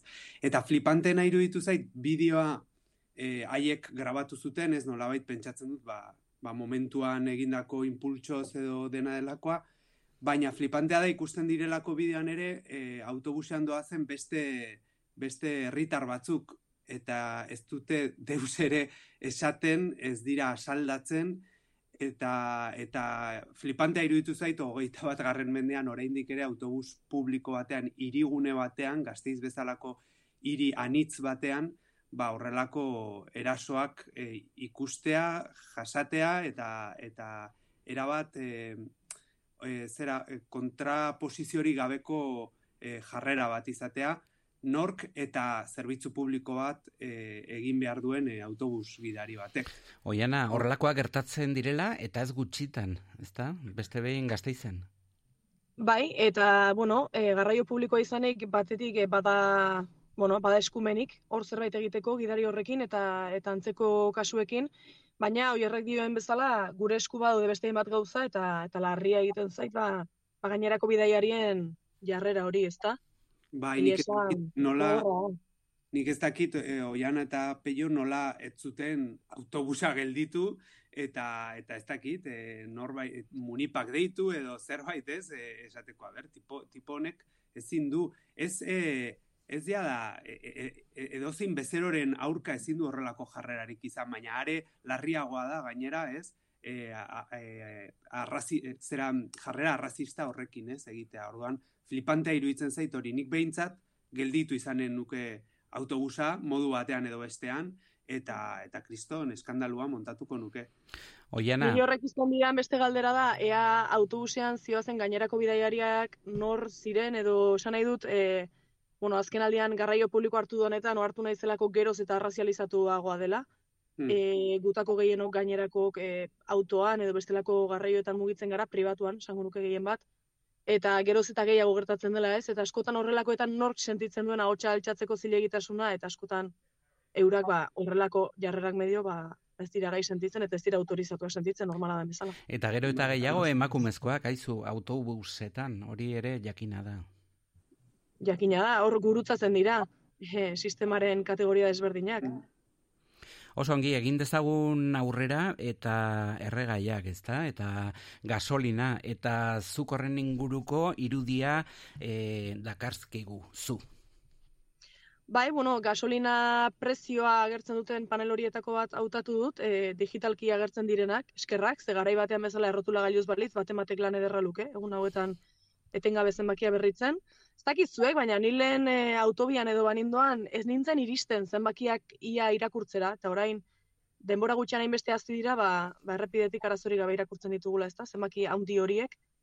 Eta bueno, ba, betikoa gaur ere zuengana heltzeko tertulio honetara ikusten duzuen bezala kotxean naiz, ba, ba besteak beste kamioi karabana bat izan delako bidean, ba horrelako erregaien prezioa dela eta salaketa hori egiteko eta eta bueno, hainbat komiki hainbat tira eta hainbat irudi sortu dira horren arira, baina zer pentsatu ematen du, ez? E, soka horrek edo ari horrek e, zenbateraino ari diren prezioak aldatzen hor eta eta saltzen digute den arrazoi beragati dela, baina batzuetan lotura hori bueno, nahiko, bueno, bestela ere nahiko arbitrarioa den lotura hori edo ondorio hori, ba, ba bueno, kasu batzuetan harrigarriari da gertatzen, ez? Ba, esate baterako gure gorputza behar duen beste erregaian, hau da, janarian, ba, ze igoera ematen ari den, eta, eta bueno, esan dezakezu, ez dakit, e, ez dakit, eguzki lore olioa errusiatik nahi duzuna, baina Espainian ekoizten dena ere, ba, biderkatzen ari da bere prezioa, eta bueno, ba, jakin dugun bezala ez, iaz erregai hori hornitzen dutenek, ba, irabazietan errekorrak izan dituztenean, ba,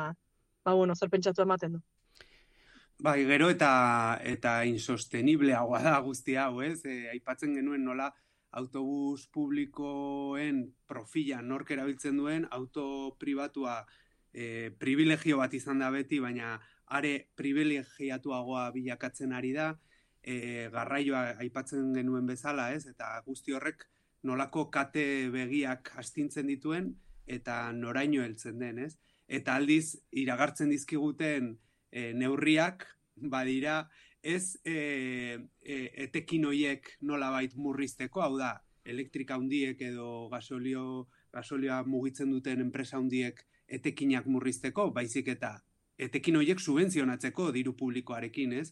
Eta e, e, izugarria da, posten gara, hogei sentimo jetxiko digutelako gasolina, urrengo astetik aurrera, edo bihartik aurrera, edo dena delakoa, baina ez digute jetxiko. E, Orainduko dugu berdin-berdin, gure diru publikoarekin, e, enpresa hundi hoiek, haien ondasunak e, handitzen segitzeko, ez? Eta eskandalu garria da, eta egia da, krisi zugarri baten, e, bueno, atarian ez, bete-betean sartzen ari garela, eta nik, bueno, ba, ba, faltan botatzen dut, agian 2008ko krisi horretan, e, egon ziren kale astintzeak eta eta protestak eta uste dut oraindik bide luzea dagola edo dugula herritarrok hor e, ba bueno e, gure ahotsa altxarazteko eta eta eta gasolina ez hogei sentimo e, subentzionatzeko, baizik eta benetan enpresa hoien etekinak e, eteteko eta eta mozteko erabat, ez? Egin dezagun aurrera, bestela negar egiten hasiko gara, eta eskerrak e, oiena, korrika, korrika bat horrela, ez da? Koloreak errepide guztietan.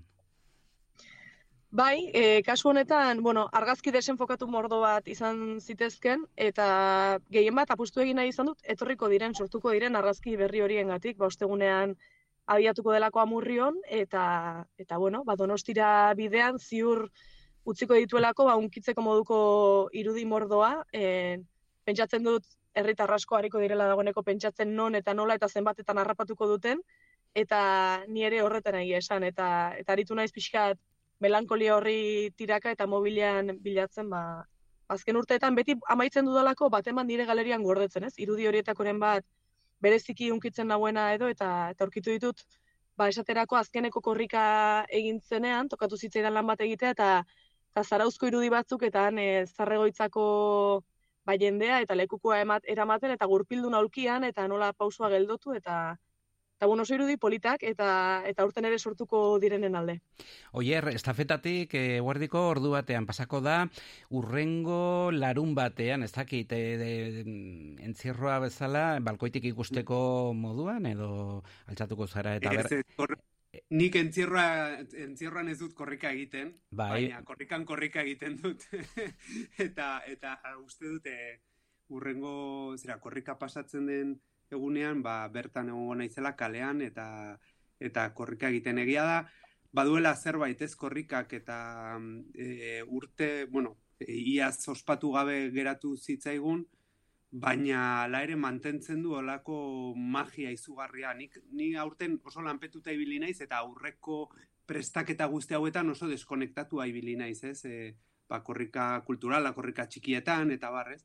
Baina ala ere buruan bueltaka duzu korrikaren e, beharra eta sentsazioa eta eta emozio guzti horiek. Uste dute Euskal Herriak edo, edo Euskal Gintzak edo Herrigintzak eman duen ekimen e, haundienetakoa eta urtetik urtera modaz pasatzen ez dena, ez? Eta hori horrek badu merito izugarria bai. Hori da, e, aizu, ez da meritorik baut duen zuk ekarri duzun oier azkeneko irudia, ez da, protagonista, padilla, toreatzailea. Zergatik ekarri duzu argazki hau?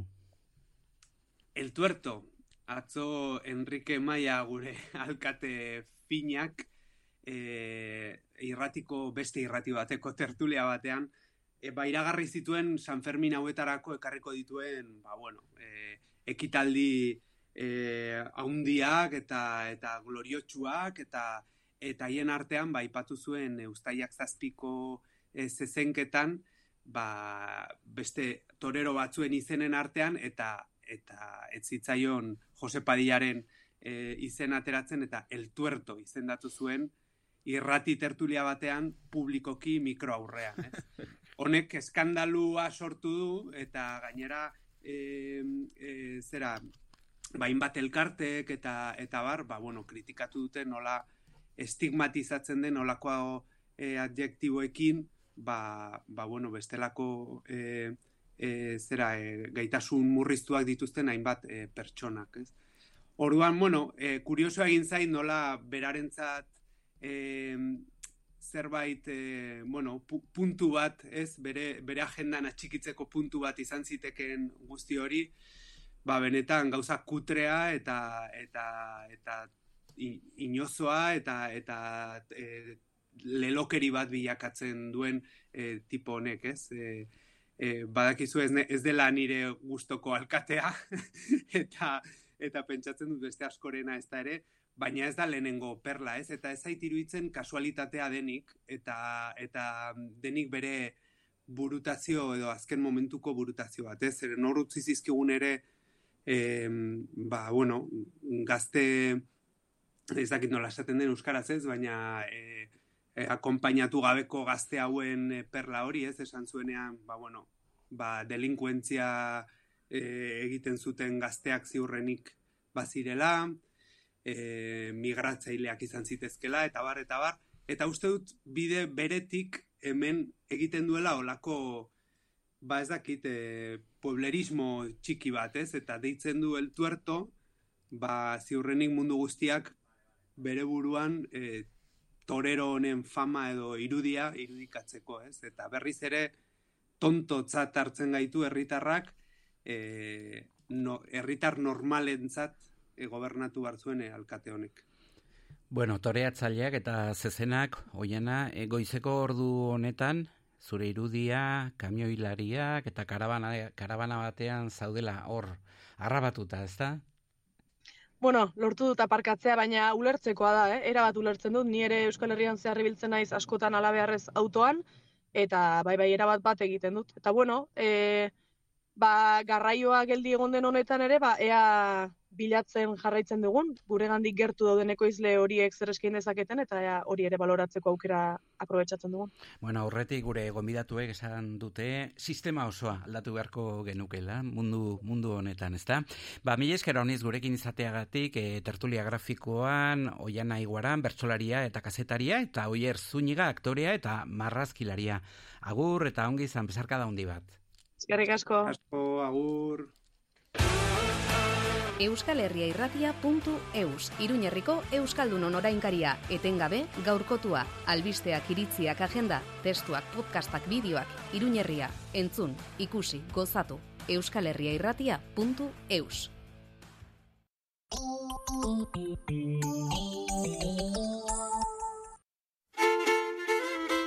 Optika Joaquin Alforja kirolean aritzeko betaurreko beresiak txirindularitzan, mendian, eskian edo ur kiroletan. Behar izan ezkero, graduatuak eskatu eta kirolaz disfrutatu erosotasun osoz. Optika Joaquin Alforja iruñeko udal plaza bat. Begizbegiko zerbitzua. Kirola egitea gustuko duzu? Itxaso karabanak zuretzako diseinatutako kanperrak. Mugarik gabe bidaiatu nahi duzu? Zuretzat diseinatutako autokarabanak eta karabanak. Bidaiatzeko orduan erosotasuna bilatzen baduzu, itxaso karabanak. Eskirozko bigarren eskualde industrialdean, iruñetik bos kilometrora. Hogeita urte baino gehiago, bizi eta bizi modu honetaz gozatzen.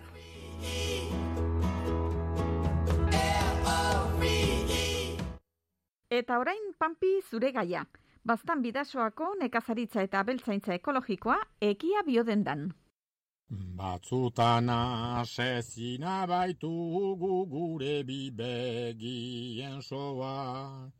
Begira da bat ez nola ikus gure eskualde osoa. Zurea egin nahi baduzu daukagun paradisoa. Sabelean goza dezakezu gure bastan bidasoa. Biatz, rokodromoa, maila guztietako erronkekin ornituriko bulder instalazio zabalak, kirol eskaladan aritzeko lekua, zailtasun ezberdineko bide eta makurdura aldakorrekin. Adin eta maila guztietako ikastaroak, astapenekoa sei urtetik gorako aurrentzakoak eta helduentzako entrenamenduak taldeka. Informazio guztia, biatz.com webunean eta sare sozialetan. Biatz rokodromoa, landabengo industrialdean gaude. Nola bizi dira gazteak euskaraz, ze erronka ditu euskarak. Ametxaranguren ibilbedi musika taldeko abeslaria Begoña Garaiko etxea gaztealdiko partaidea maitane jungitu geimerra eta unai dufur osasuna futbol taldeko jokalaria elkartuko ditugu galdera horiei erantzuteko. Berrogeita mar urte aurrerago, euskaraz bizitzeko autua solasaldia, martxoaren hogeita maikan arratsaldeko seiterdietan, iruñeko katakrak liburu dendan, zatoz. Eluiar berrogeita mar urte aurrerago.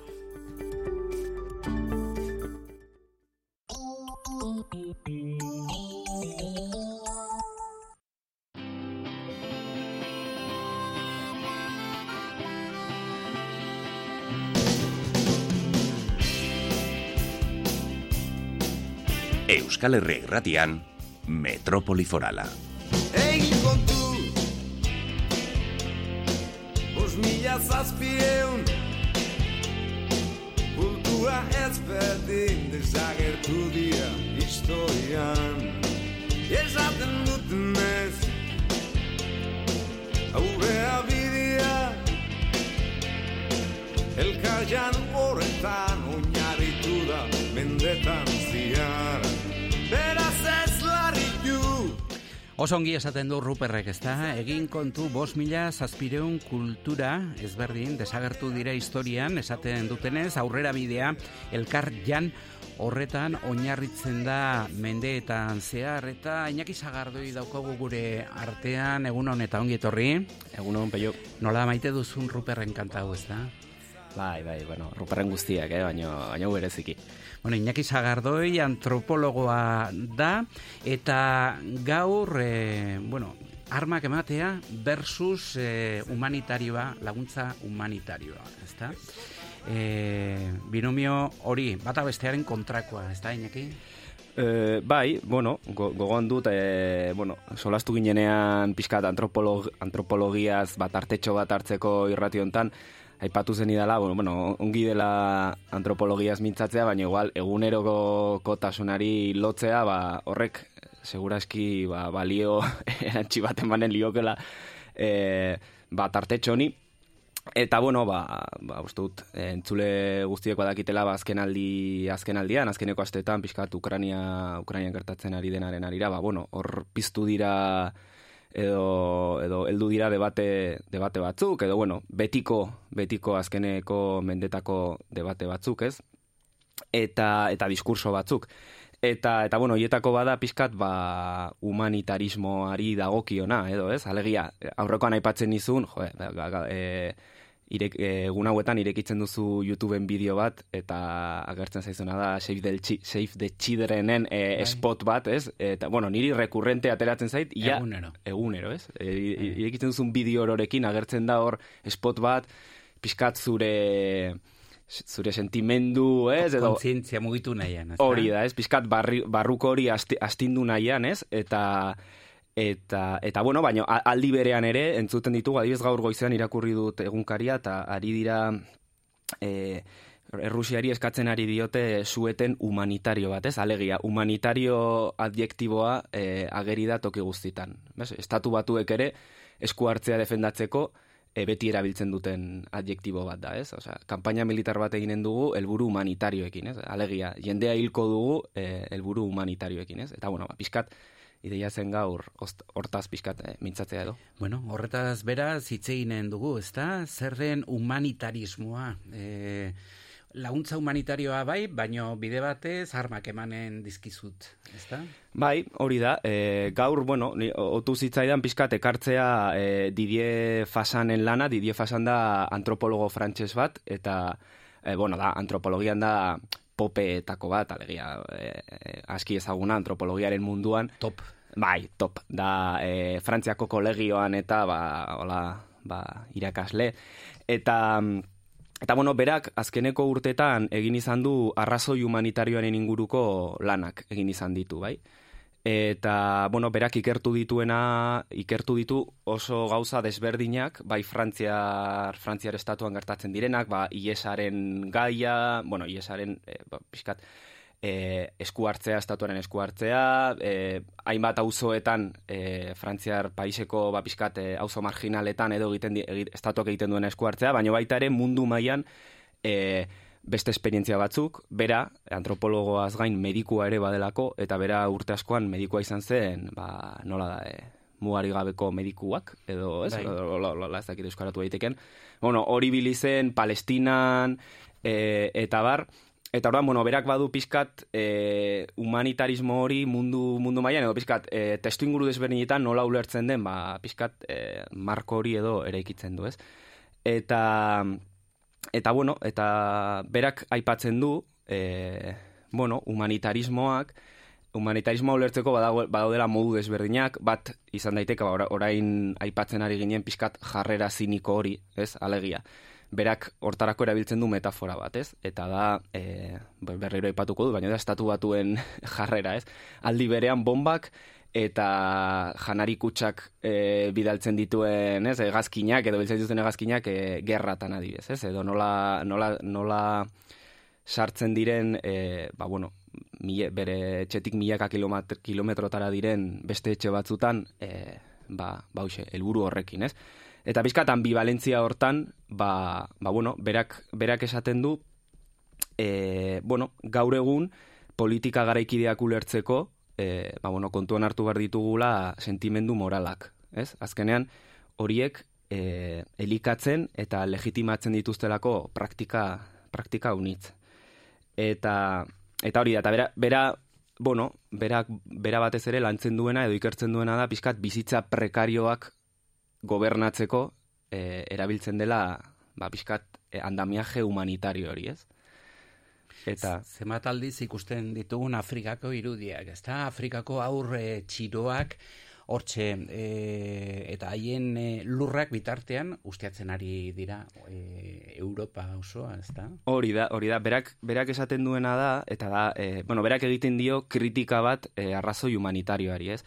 Ez kritika normalan ulertzen dugun moduan, baizik eta kritika nahi bada teorikoa edo alegia. Hauzitan jartzen du e, gure, gure moralaren, pixkat, e, edo gure moralaren zati baten, ez? E, pixkat mundu occidentalaren moralaren zati baten, e, ba hoixe, oinarria edo, ez? Dela, berak esaten du humanitarismoa badatorrela oso toki jakin batetik dela, ba, bueno, pixkat gure, gure ardatz, pixkat judeo-kristau hori, ez, edo mendetan zehar heldu dena, eta baita ere, mesortzigarren mendeko filosofia moraletik edo, ba, sortu dela gaur egun humanitarismo hor, edo humanitarismo, ba bai, ardatz hori edo hortik heldu dela, ez?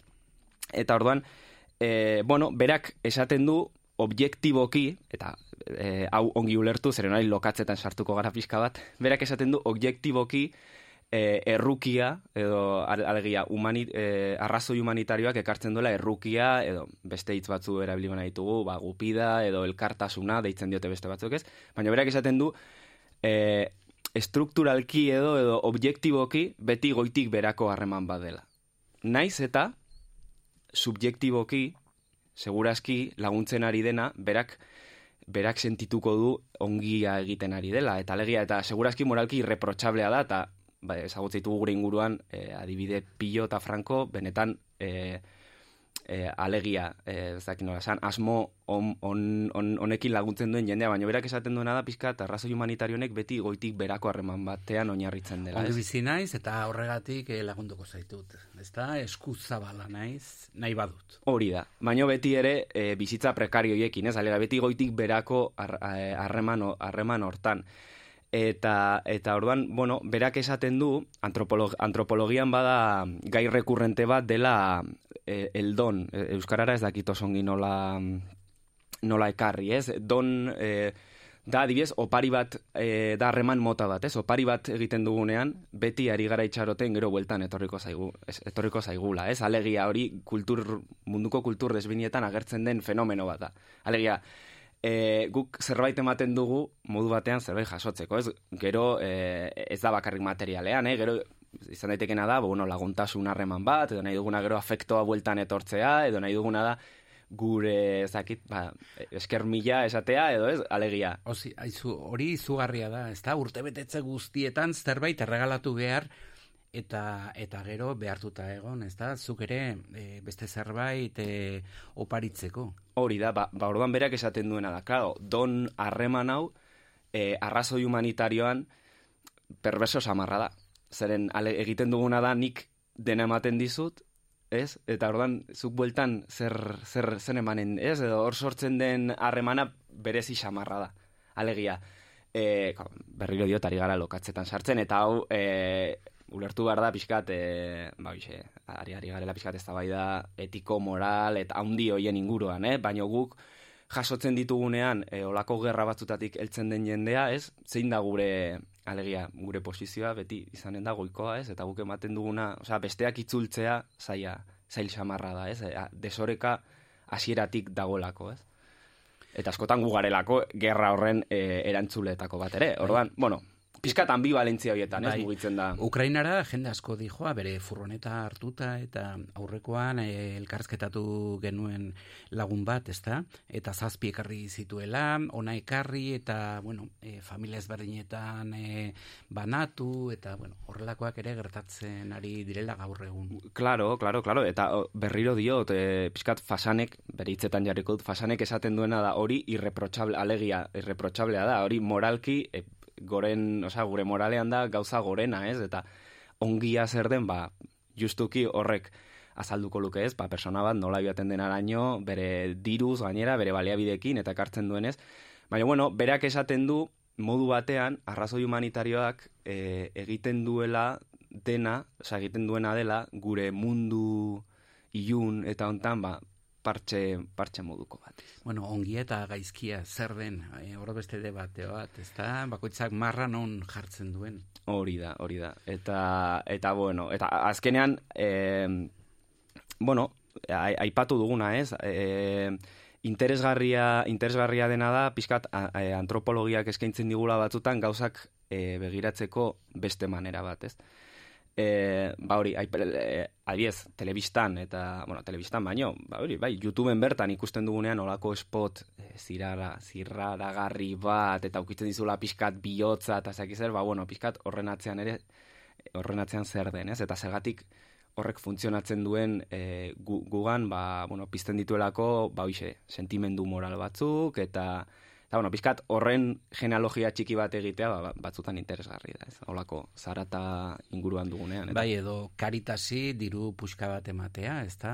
Eta, eta horrelako etarako. Hori da.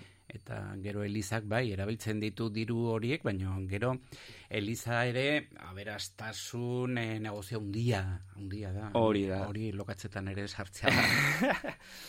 bai, baina azkenean, azkenean hori da, ez? Pizkat sortzetik badagoelako arrazoi humanitario hortan sortzetik bada e, tesi bat eta da e, mundua injustoa dela, ez? Eta ordan batzuk sufritzen dute eta sufrimendu hori ba bueno, ba pizkat e, ia leuntzen aldugun besteok edo, ez? Baina pizkat zalantzan jartzen ez dena da zegatik den injustoa, osea, hasieratik zegatik den injustoa, ez? Edo. Oso ongi, haizu, ba, Iñaki Sagardoi antropologoa liburu bat erregalatu dizut Walden. Ai, ederraskoa gainera. Bai, ezta? E, erdera zirakurria daukazu, ezta? Bai, bai, bai, egia esan aspaldian, aspaldian irakurria, ez? Ba, pizkat, e, bai. klasiko, klasikoetako bat, ez? protagonista urbanita bat, ez da? Eh? E, natura inguru batera dijoa bizitzera, eta hor bizi dituen aldaketa horiek, ez da? Liburu zoragarria. Bai, gizu askotan, hori, batzutan ere jarrera ziniko samarra da, ez? Iriaren seme alaba garenok, ba, nola amesten dugun gure gualdene hortara ies egitea, ez? Or, eraikitzea ezakitezka mendian edo urrezko etxola bat, eta... Em, itzuliko zinake, garro, e, joanen zinake garro esera bizitzera. Uf, ezakit, ezakit. Kortatuko litzei zuke, ez da? Segurazki bai. Niri ere. Oso ongi, ba, inaki zagardo ineduzun arte, ongi zan. Ni esker, aio, aio. Ozen denok, eman bide Euskal Herria irratiare! Euskal Herria irratia, Inkestagile galdetzen badizute, esan ozenki, Euskal Herria irratia entzuten dut eta arronago. Egin dezazun bidea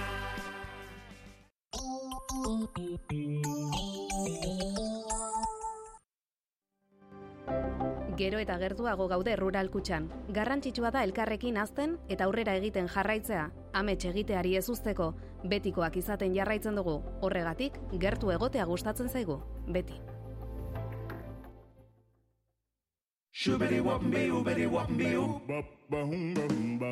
Bainuontzia dutxa bihurtzeko garaia iritsi da, larrarekin noski. Komunean eroso mugitzeko bakoitzaren beharretara moldatutako diseinuak egiten ditugu. Komun osoa zahar berritu edo bainuontzia dutxa bihurtzeko, kozinaslarra, mutiloako industrialdean eta kozinaslarra.comen aurkituko gaituzu. Badakizu kozinaslarrarekin zure ametsetako komuna.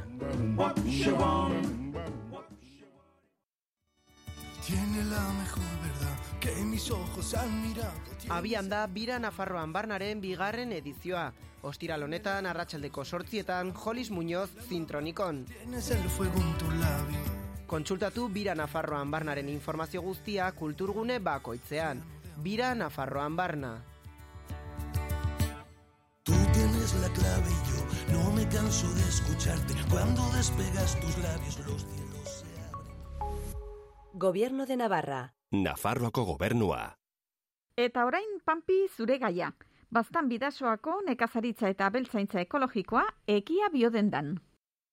Batzutan asezina baitugu gure bi begien soa. Begirada bat ez nola ikus gure eskualde osoa. Zurea egin nahi baduzu daukagun paradisoa. Sabelean goza dezakezu gure bastan bidasoa.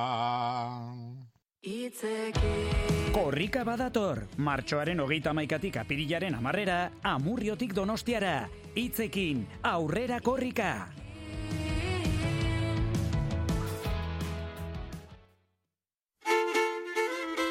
Optika Joaquin Alforja. Kirolean aritzeko betaurreko beresiak txirindularitzan, mendian, eskian edo ur kiroletan. Behar izan ezkero, graduatuak eskatu eta kirolaz disfrutatu erosotasun osoz. Optika Joaquin Alforja iruñeko udal plaza bat. Begiz begiko zerbitzua.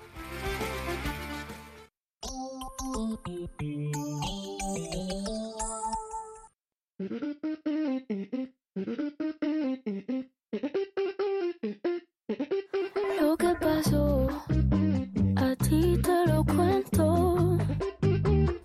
Metrópoli foralean, soinuen laborategia. ¿Quién me lo inventó? Así es que se dio. Yo tenía mi bebé. Era algo bien especial. Pero me obsesioné con algo que a él le hacía mal. Rosaliaren azken diskoa entzuten ari gara. Y él me lo notaba. Xabi Arkizia soinu ikertzailea da, ekoizlea, musikaria eta kazetaria, eta motz geratzen zaio soinuaren definizio klasikoa, bere ustez inguruko soinuak eta zarata artea dira, ala esan digu artista lesakarrak behin eta berriro, eta gaur ere berarekin hitz egiteko parada izanen dugu, Xabi egunon. Bera, zurire. Bueno, musikariekin ere lan egiten duzu, ezta? E, Bai, eh, bai, bai, bai. Eh, nik musika egiten iztio sekura utzi. Ez da Baina beste, beste arti- Gara ezite darra gara baten delako ja, oza, soinuekin bestelako soinuekin lan inagi hasi zinean zure bizitza galdu egin zu bali bez bezala, ez? Best, beste artista zenbaitekin lan egiten duzula, ezta? Niño de Elche eta Bai, bai, bai. bestelakoekin. Hala da.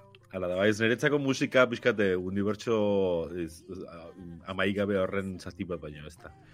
Bueno, e, gaur ekarri diguzu Rosalia, zergatik. Bueno, ez dakit nik, a ber, eh, ez dago komunikabide bat, eh, eh, sa, sa, komunikabide sano bakar bat eta insanoak ere nik uste dut ez dara, eh, ez duenek ipatu ez, eh, egunotan eh, bolo-bolo da bilen Rosaliaren motomami diska hori. Eta ni, ez dakit, i- pereza pixkat eman dit hori berri zonatek hartzeak, baino, baina, bueno, tegia da, eh, tartean tartean artikulo on batzuk atera direla, ez dakit, bandala egun batzuk, Alberto Torres Baldinak idatzi zuen artikulo oso polita, eh, Rosaliaren izkera eta gongora eta bai inklan hasiz eta bar, eta izan dira artikula politak. Baina, bueno, nahi nuen bizkat, eh, fenomeno honi eh, eh, eh, notatxo bat jarri. Ez hainbeste Rosalian figura eta eta diskoa bera ere eh, aipagai hartu, hortako nahiko youtuber eta nahiko badago ere munduan, eh, baina bai nahi nuena eh, gauza bat edo gauzatek arreta mandian. Ze, kontua da, eh, nire iritziz bentsat, aspaldi ez bezala eh, disko batek eman duela hainbat eta hainbat artikularako eta bat eztabaidarako gai, ez dala? E, eta egunotan entzun dugu eztabaidak arrakastari buruz, nola ez, flamenkoari eta kultur bere ganatzei buruz, berriz ere alako eztabaida aspergarriagorik ez zileke, bueno, ura ere etorri da berriz ere, estiloari buruz, e, batzuk diotena jada le, ez dela lengua, Rosalia, reggaetonari buruz, despektiboki gehienetan, zara eta belitzan, e, autotuneari eta hotxaren faltzuk ere buruzko eztabaida ere piztu arazi du berriz ere diskoak, letrei buruz, erran dugu, e, maixulanei buruz, hori ere badelako aspaldeko droga zar bat, bereziki, e, ez da sinkronizatzen garenean sozialki disko bat goraipatzeko, edo akatzeko, hola gara, Frankensteinin jarraintzaileak balia bezala, eta hogeita zortzi urteko artista emakume baten ausardiari buruz. E, hogeita zortzi urterekin eta emakumea izanik ausardia edukitzia ez dakit ba, e, ez dakit, e, gauza arraro bat balitz bezala, ez? E, eta izan liteke gaur egungo olako sukar e, postpandemiko bat, edo olako zeo zer, e, disko bati buruz hain zutzuk hitz egitea, e, baina egia da, aspaldian disko batek, antzi zetan gana, eta bestelakoak e, e, ez duela hainbeste zerrarek eman. Eta hori beti da postekoa, bai, errago nuke. Em, behintzat, e, musika zaleak garen ontzat, eta berdin duzen den diskoa. Baina beti da postekoa, e, bueno, Rosaliaren diskonek, eta bai entzungo dugu jentei kantuaren esatitxo bat, e, hainbertze. So, so, so, so, so,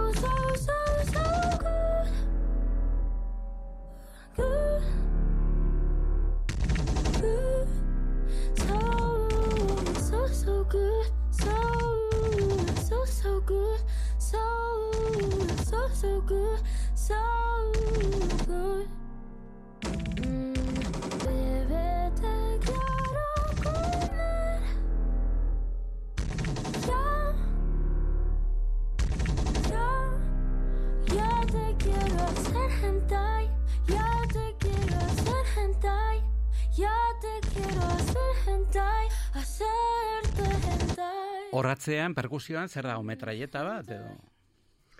Ni borta xola zer da hori erran. Iritze dena da e, gauza zoragarri bat egin duela kantu honetan Rosaliak, bai.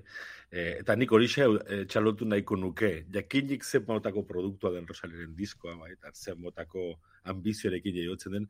Txalotu nahiko nuke hain zuzen ausardia modukoari, bai.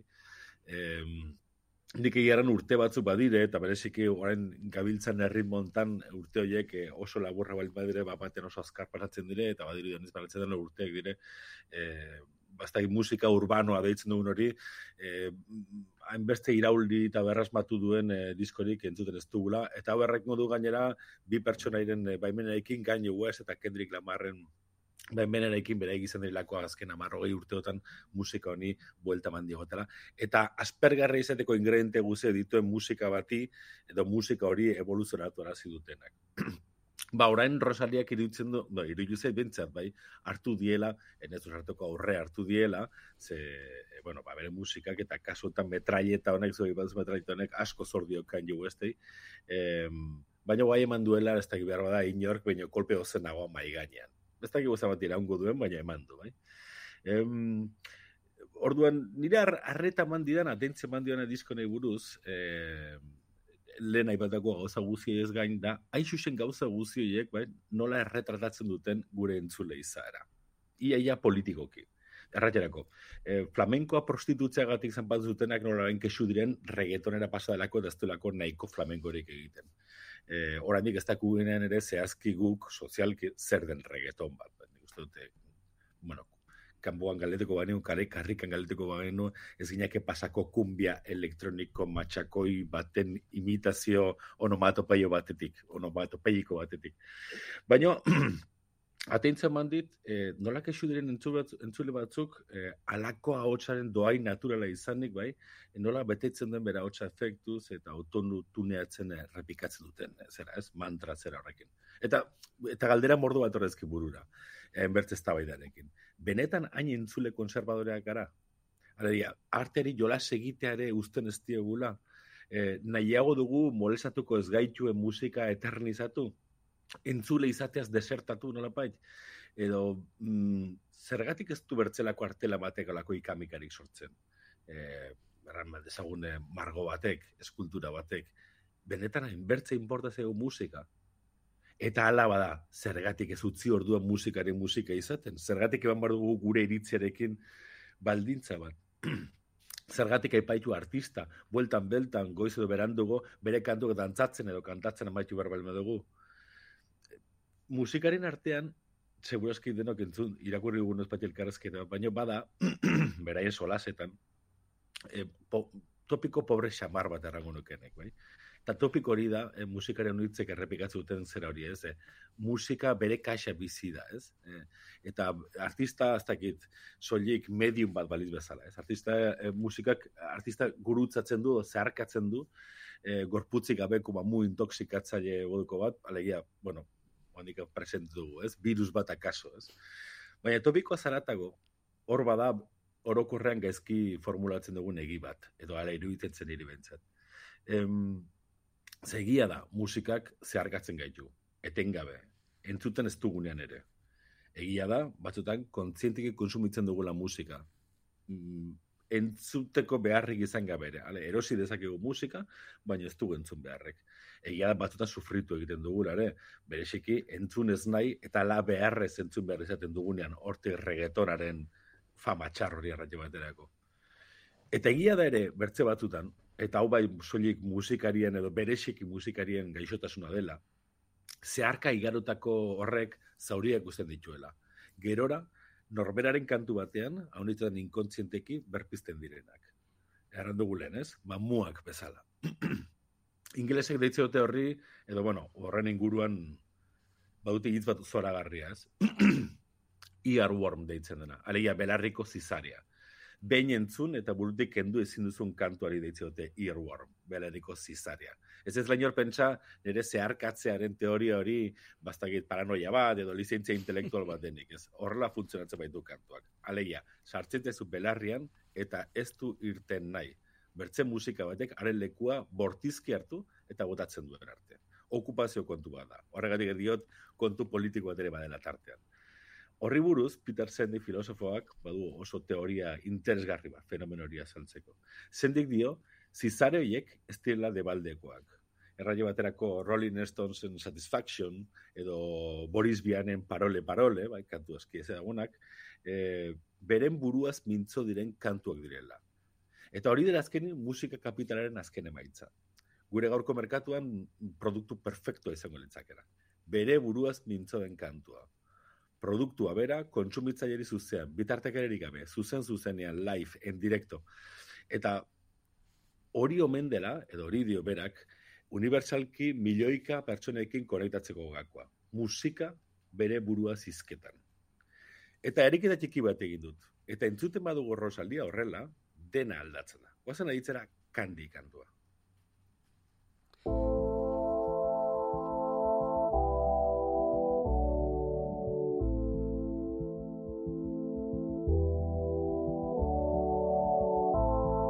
Vestida con F de Fendi, bailando plan vela de Candy.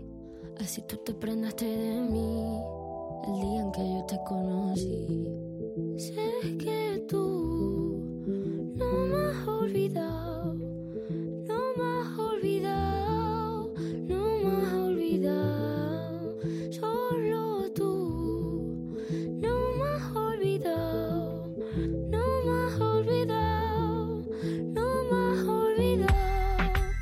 te quiero como antes.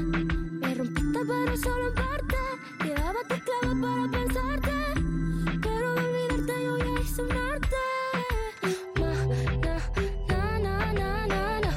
No queda. Entre tú y yo, ya, ya, ya, ya. Ya no me acuerdo de tu cara. La forma de tu cuerpo ni en que la pensara. Hay demasiado que nos separa. Bonita pero traicionera. Vestida con eje de Fendi, bailando plamela de Candy. Así tú te prendaste de mí, el día que yo te conocí. Pero tú... Zer dokagu esateko kantanoen inguruan, Xabi? Nik letra zati bat mm, zabar eta eta torpeki itzuri dut. Fendiren efekin jantzia, be moduan, kandiren modura dantza, horregatik geratu zinen erekin harrapaduta, ezagutu zintuen egunean. Badakitzuk ez nauzula antzi, soilik zuk ez nauzula antzi. Jada ez zaitu lehen bezala maike, xetu ninduzun baino ez osorik, zure esklabuan eraman pentsatzeko, baina zu aztea arte bihurtu nuen espaldi. Ezer gehiago zuetan ere artean. Jada ez dut zure aurpegia gogoan, pentsatu albanu ere, zure gorputzaren forma ere ez, banatze gaituen gehiagi dago, bizitza ederra da, baina traidorea, horrela geratu zinen erekin harrapaduta ezagutu zituen egunean. Beraz, Badirudi, abestia, abestiaz ari da. badirudi Rosaliak edo bere kantuak bai entzuleari e, e, deitu nahi diola, ez? E, entzulearekin konexio ezinezkoa proposatzen duela. Kantu hori uzten diola Rosalia gurekin izketan eta ez da izketaldi goxoa guziz. E, kantua traidorea da, arrakasta fama bezala, ez? Disko mertze kantu baten edo bezala. Rosaliak gure belarretik igarotzen denak zeo zer eragin dezan egin du lan. Nikola laburbilduko nuke disko hau, eh? E, eta horregatik funtzionatzen duainen ongi. E, bera ez zaigu guri kontsumitzaile bezala soilik izketan ari, zaigu entzule bezala lehenik gero ikusiko dugu gertatzen den, bai? Jo bere kontraste tengabe eta zehaztasuna handiz programatu hortan, edurne zuriren ahotxe zinko xogarekin felazioak eta putak aipatzen ditu, edo doinu gogorrekin amodi historia kontatzeko gaitasuna du kantu horrek. Zairi, zauriak sortu nahi dizkigu. Gero akaso denborak zizare bihurtuko dituenak, eta ez izan dudarik, ez da hauek sortzeko gai bada, zizare bihurtuko dira. Aizu, atzo Spotifyn, e, bueno, disko hau entzun nuen, e, goitik bera, eta zuk esan dagoetatik, ez nuen bat ere, entzun bat ere aditu, bat ere sentitu, baina seguru hor daudela, zuk horrela argitu duzulako ez da? Bueno, nik ez dakit hor dauden, nik da entzun dudana, eta horrek eran duena da norbaitek nahi duela norbaitek zerbait entzutea. Baina bertzaldik ez gaitezen engainatu. Musika usartago izan dare, e, bere musika konsumitzen jarrai dezagun edo Rosaliak, eh? Ez pentsa, ez dakit alako, ez dakit liberazio bat proposatzen dugunek bere musika konsumitza da azken helburuak. Eta kantuak traidoreak izango dira, arrakastere bai, baina fideltasuna eh, diskoan haunistan aipatzen hitza da gaine da fideltasuna fideltasuna da artista baten soldata, bai. Eta eta gangster G gangster baten forua ere bai. Orduan hori iztugu antzi behar ere. E, kantuak guri solasen dezkigun bai edo ez, nik ez dut zalantzarik. Ez dakit ze puntu daño musikariak horrei buruz, odo, hortaz hain konstiente diren bai, baino sortzen dutenean alako fenomeno handi bat bai, nik uste dut e, merezi duela ikustea bada zergatik soilik gauza mediatiko bada, edo bada zeo zer kantuak guri apelatzen gaituen, edo guri izketan ari zegun zeo zer. Bueno, olvidado, no me olvidado, no me olvidado. Solo tú, no me olvidado, no me olvidado. mi esker honitz, gurekin izateagatik arkezia jauna, nahi duzun arte, agur. Kontuz, zizare belarrekin, belarri zizarekin. Agur, bai.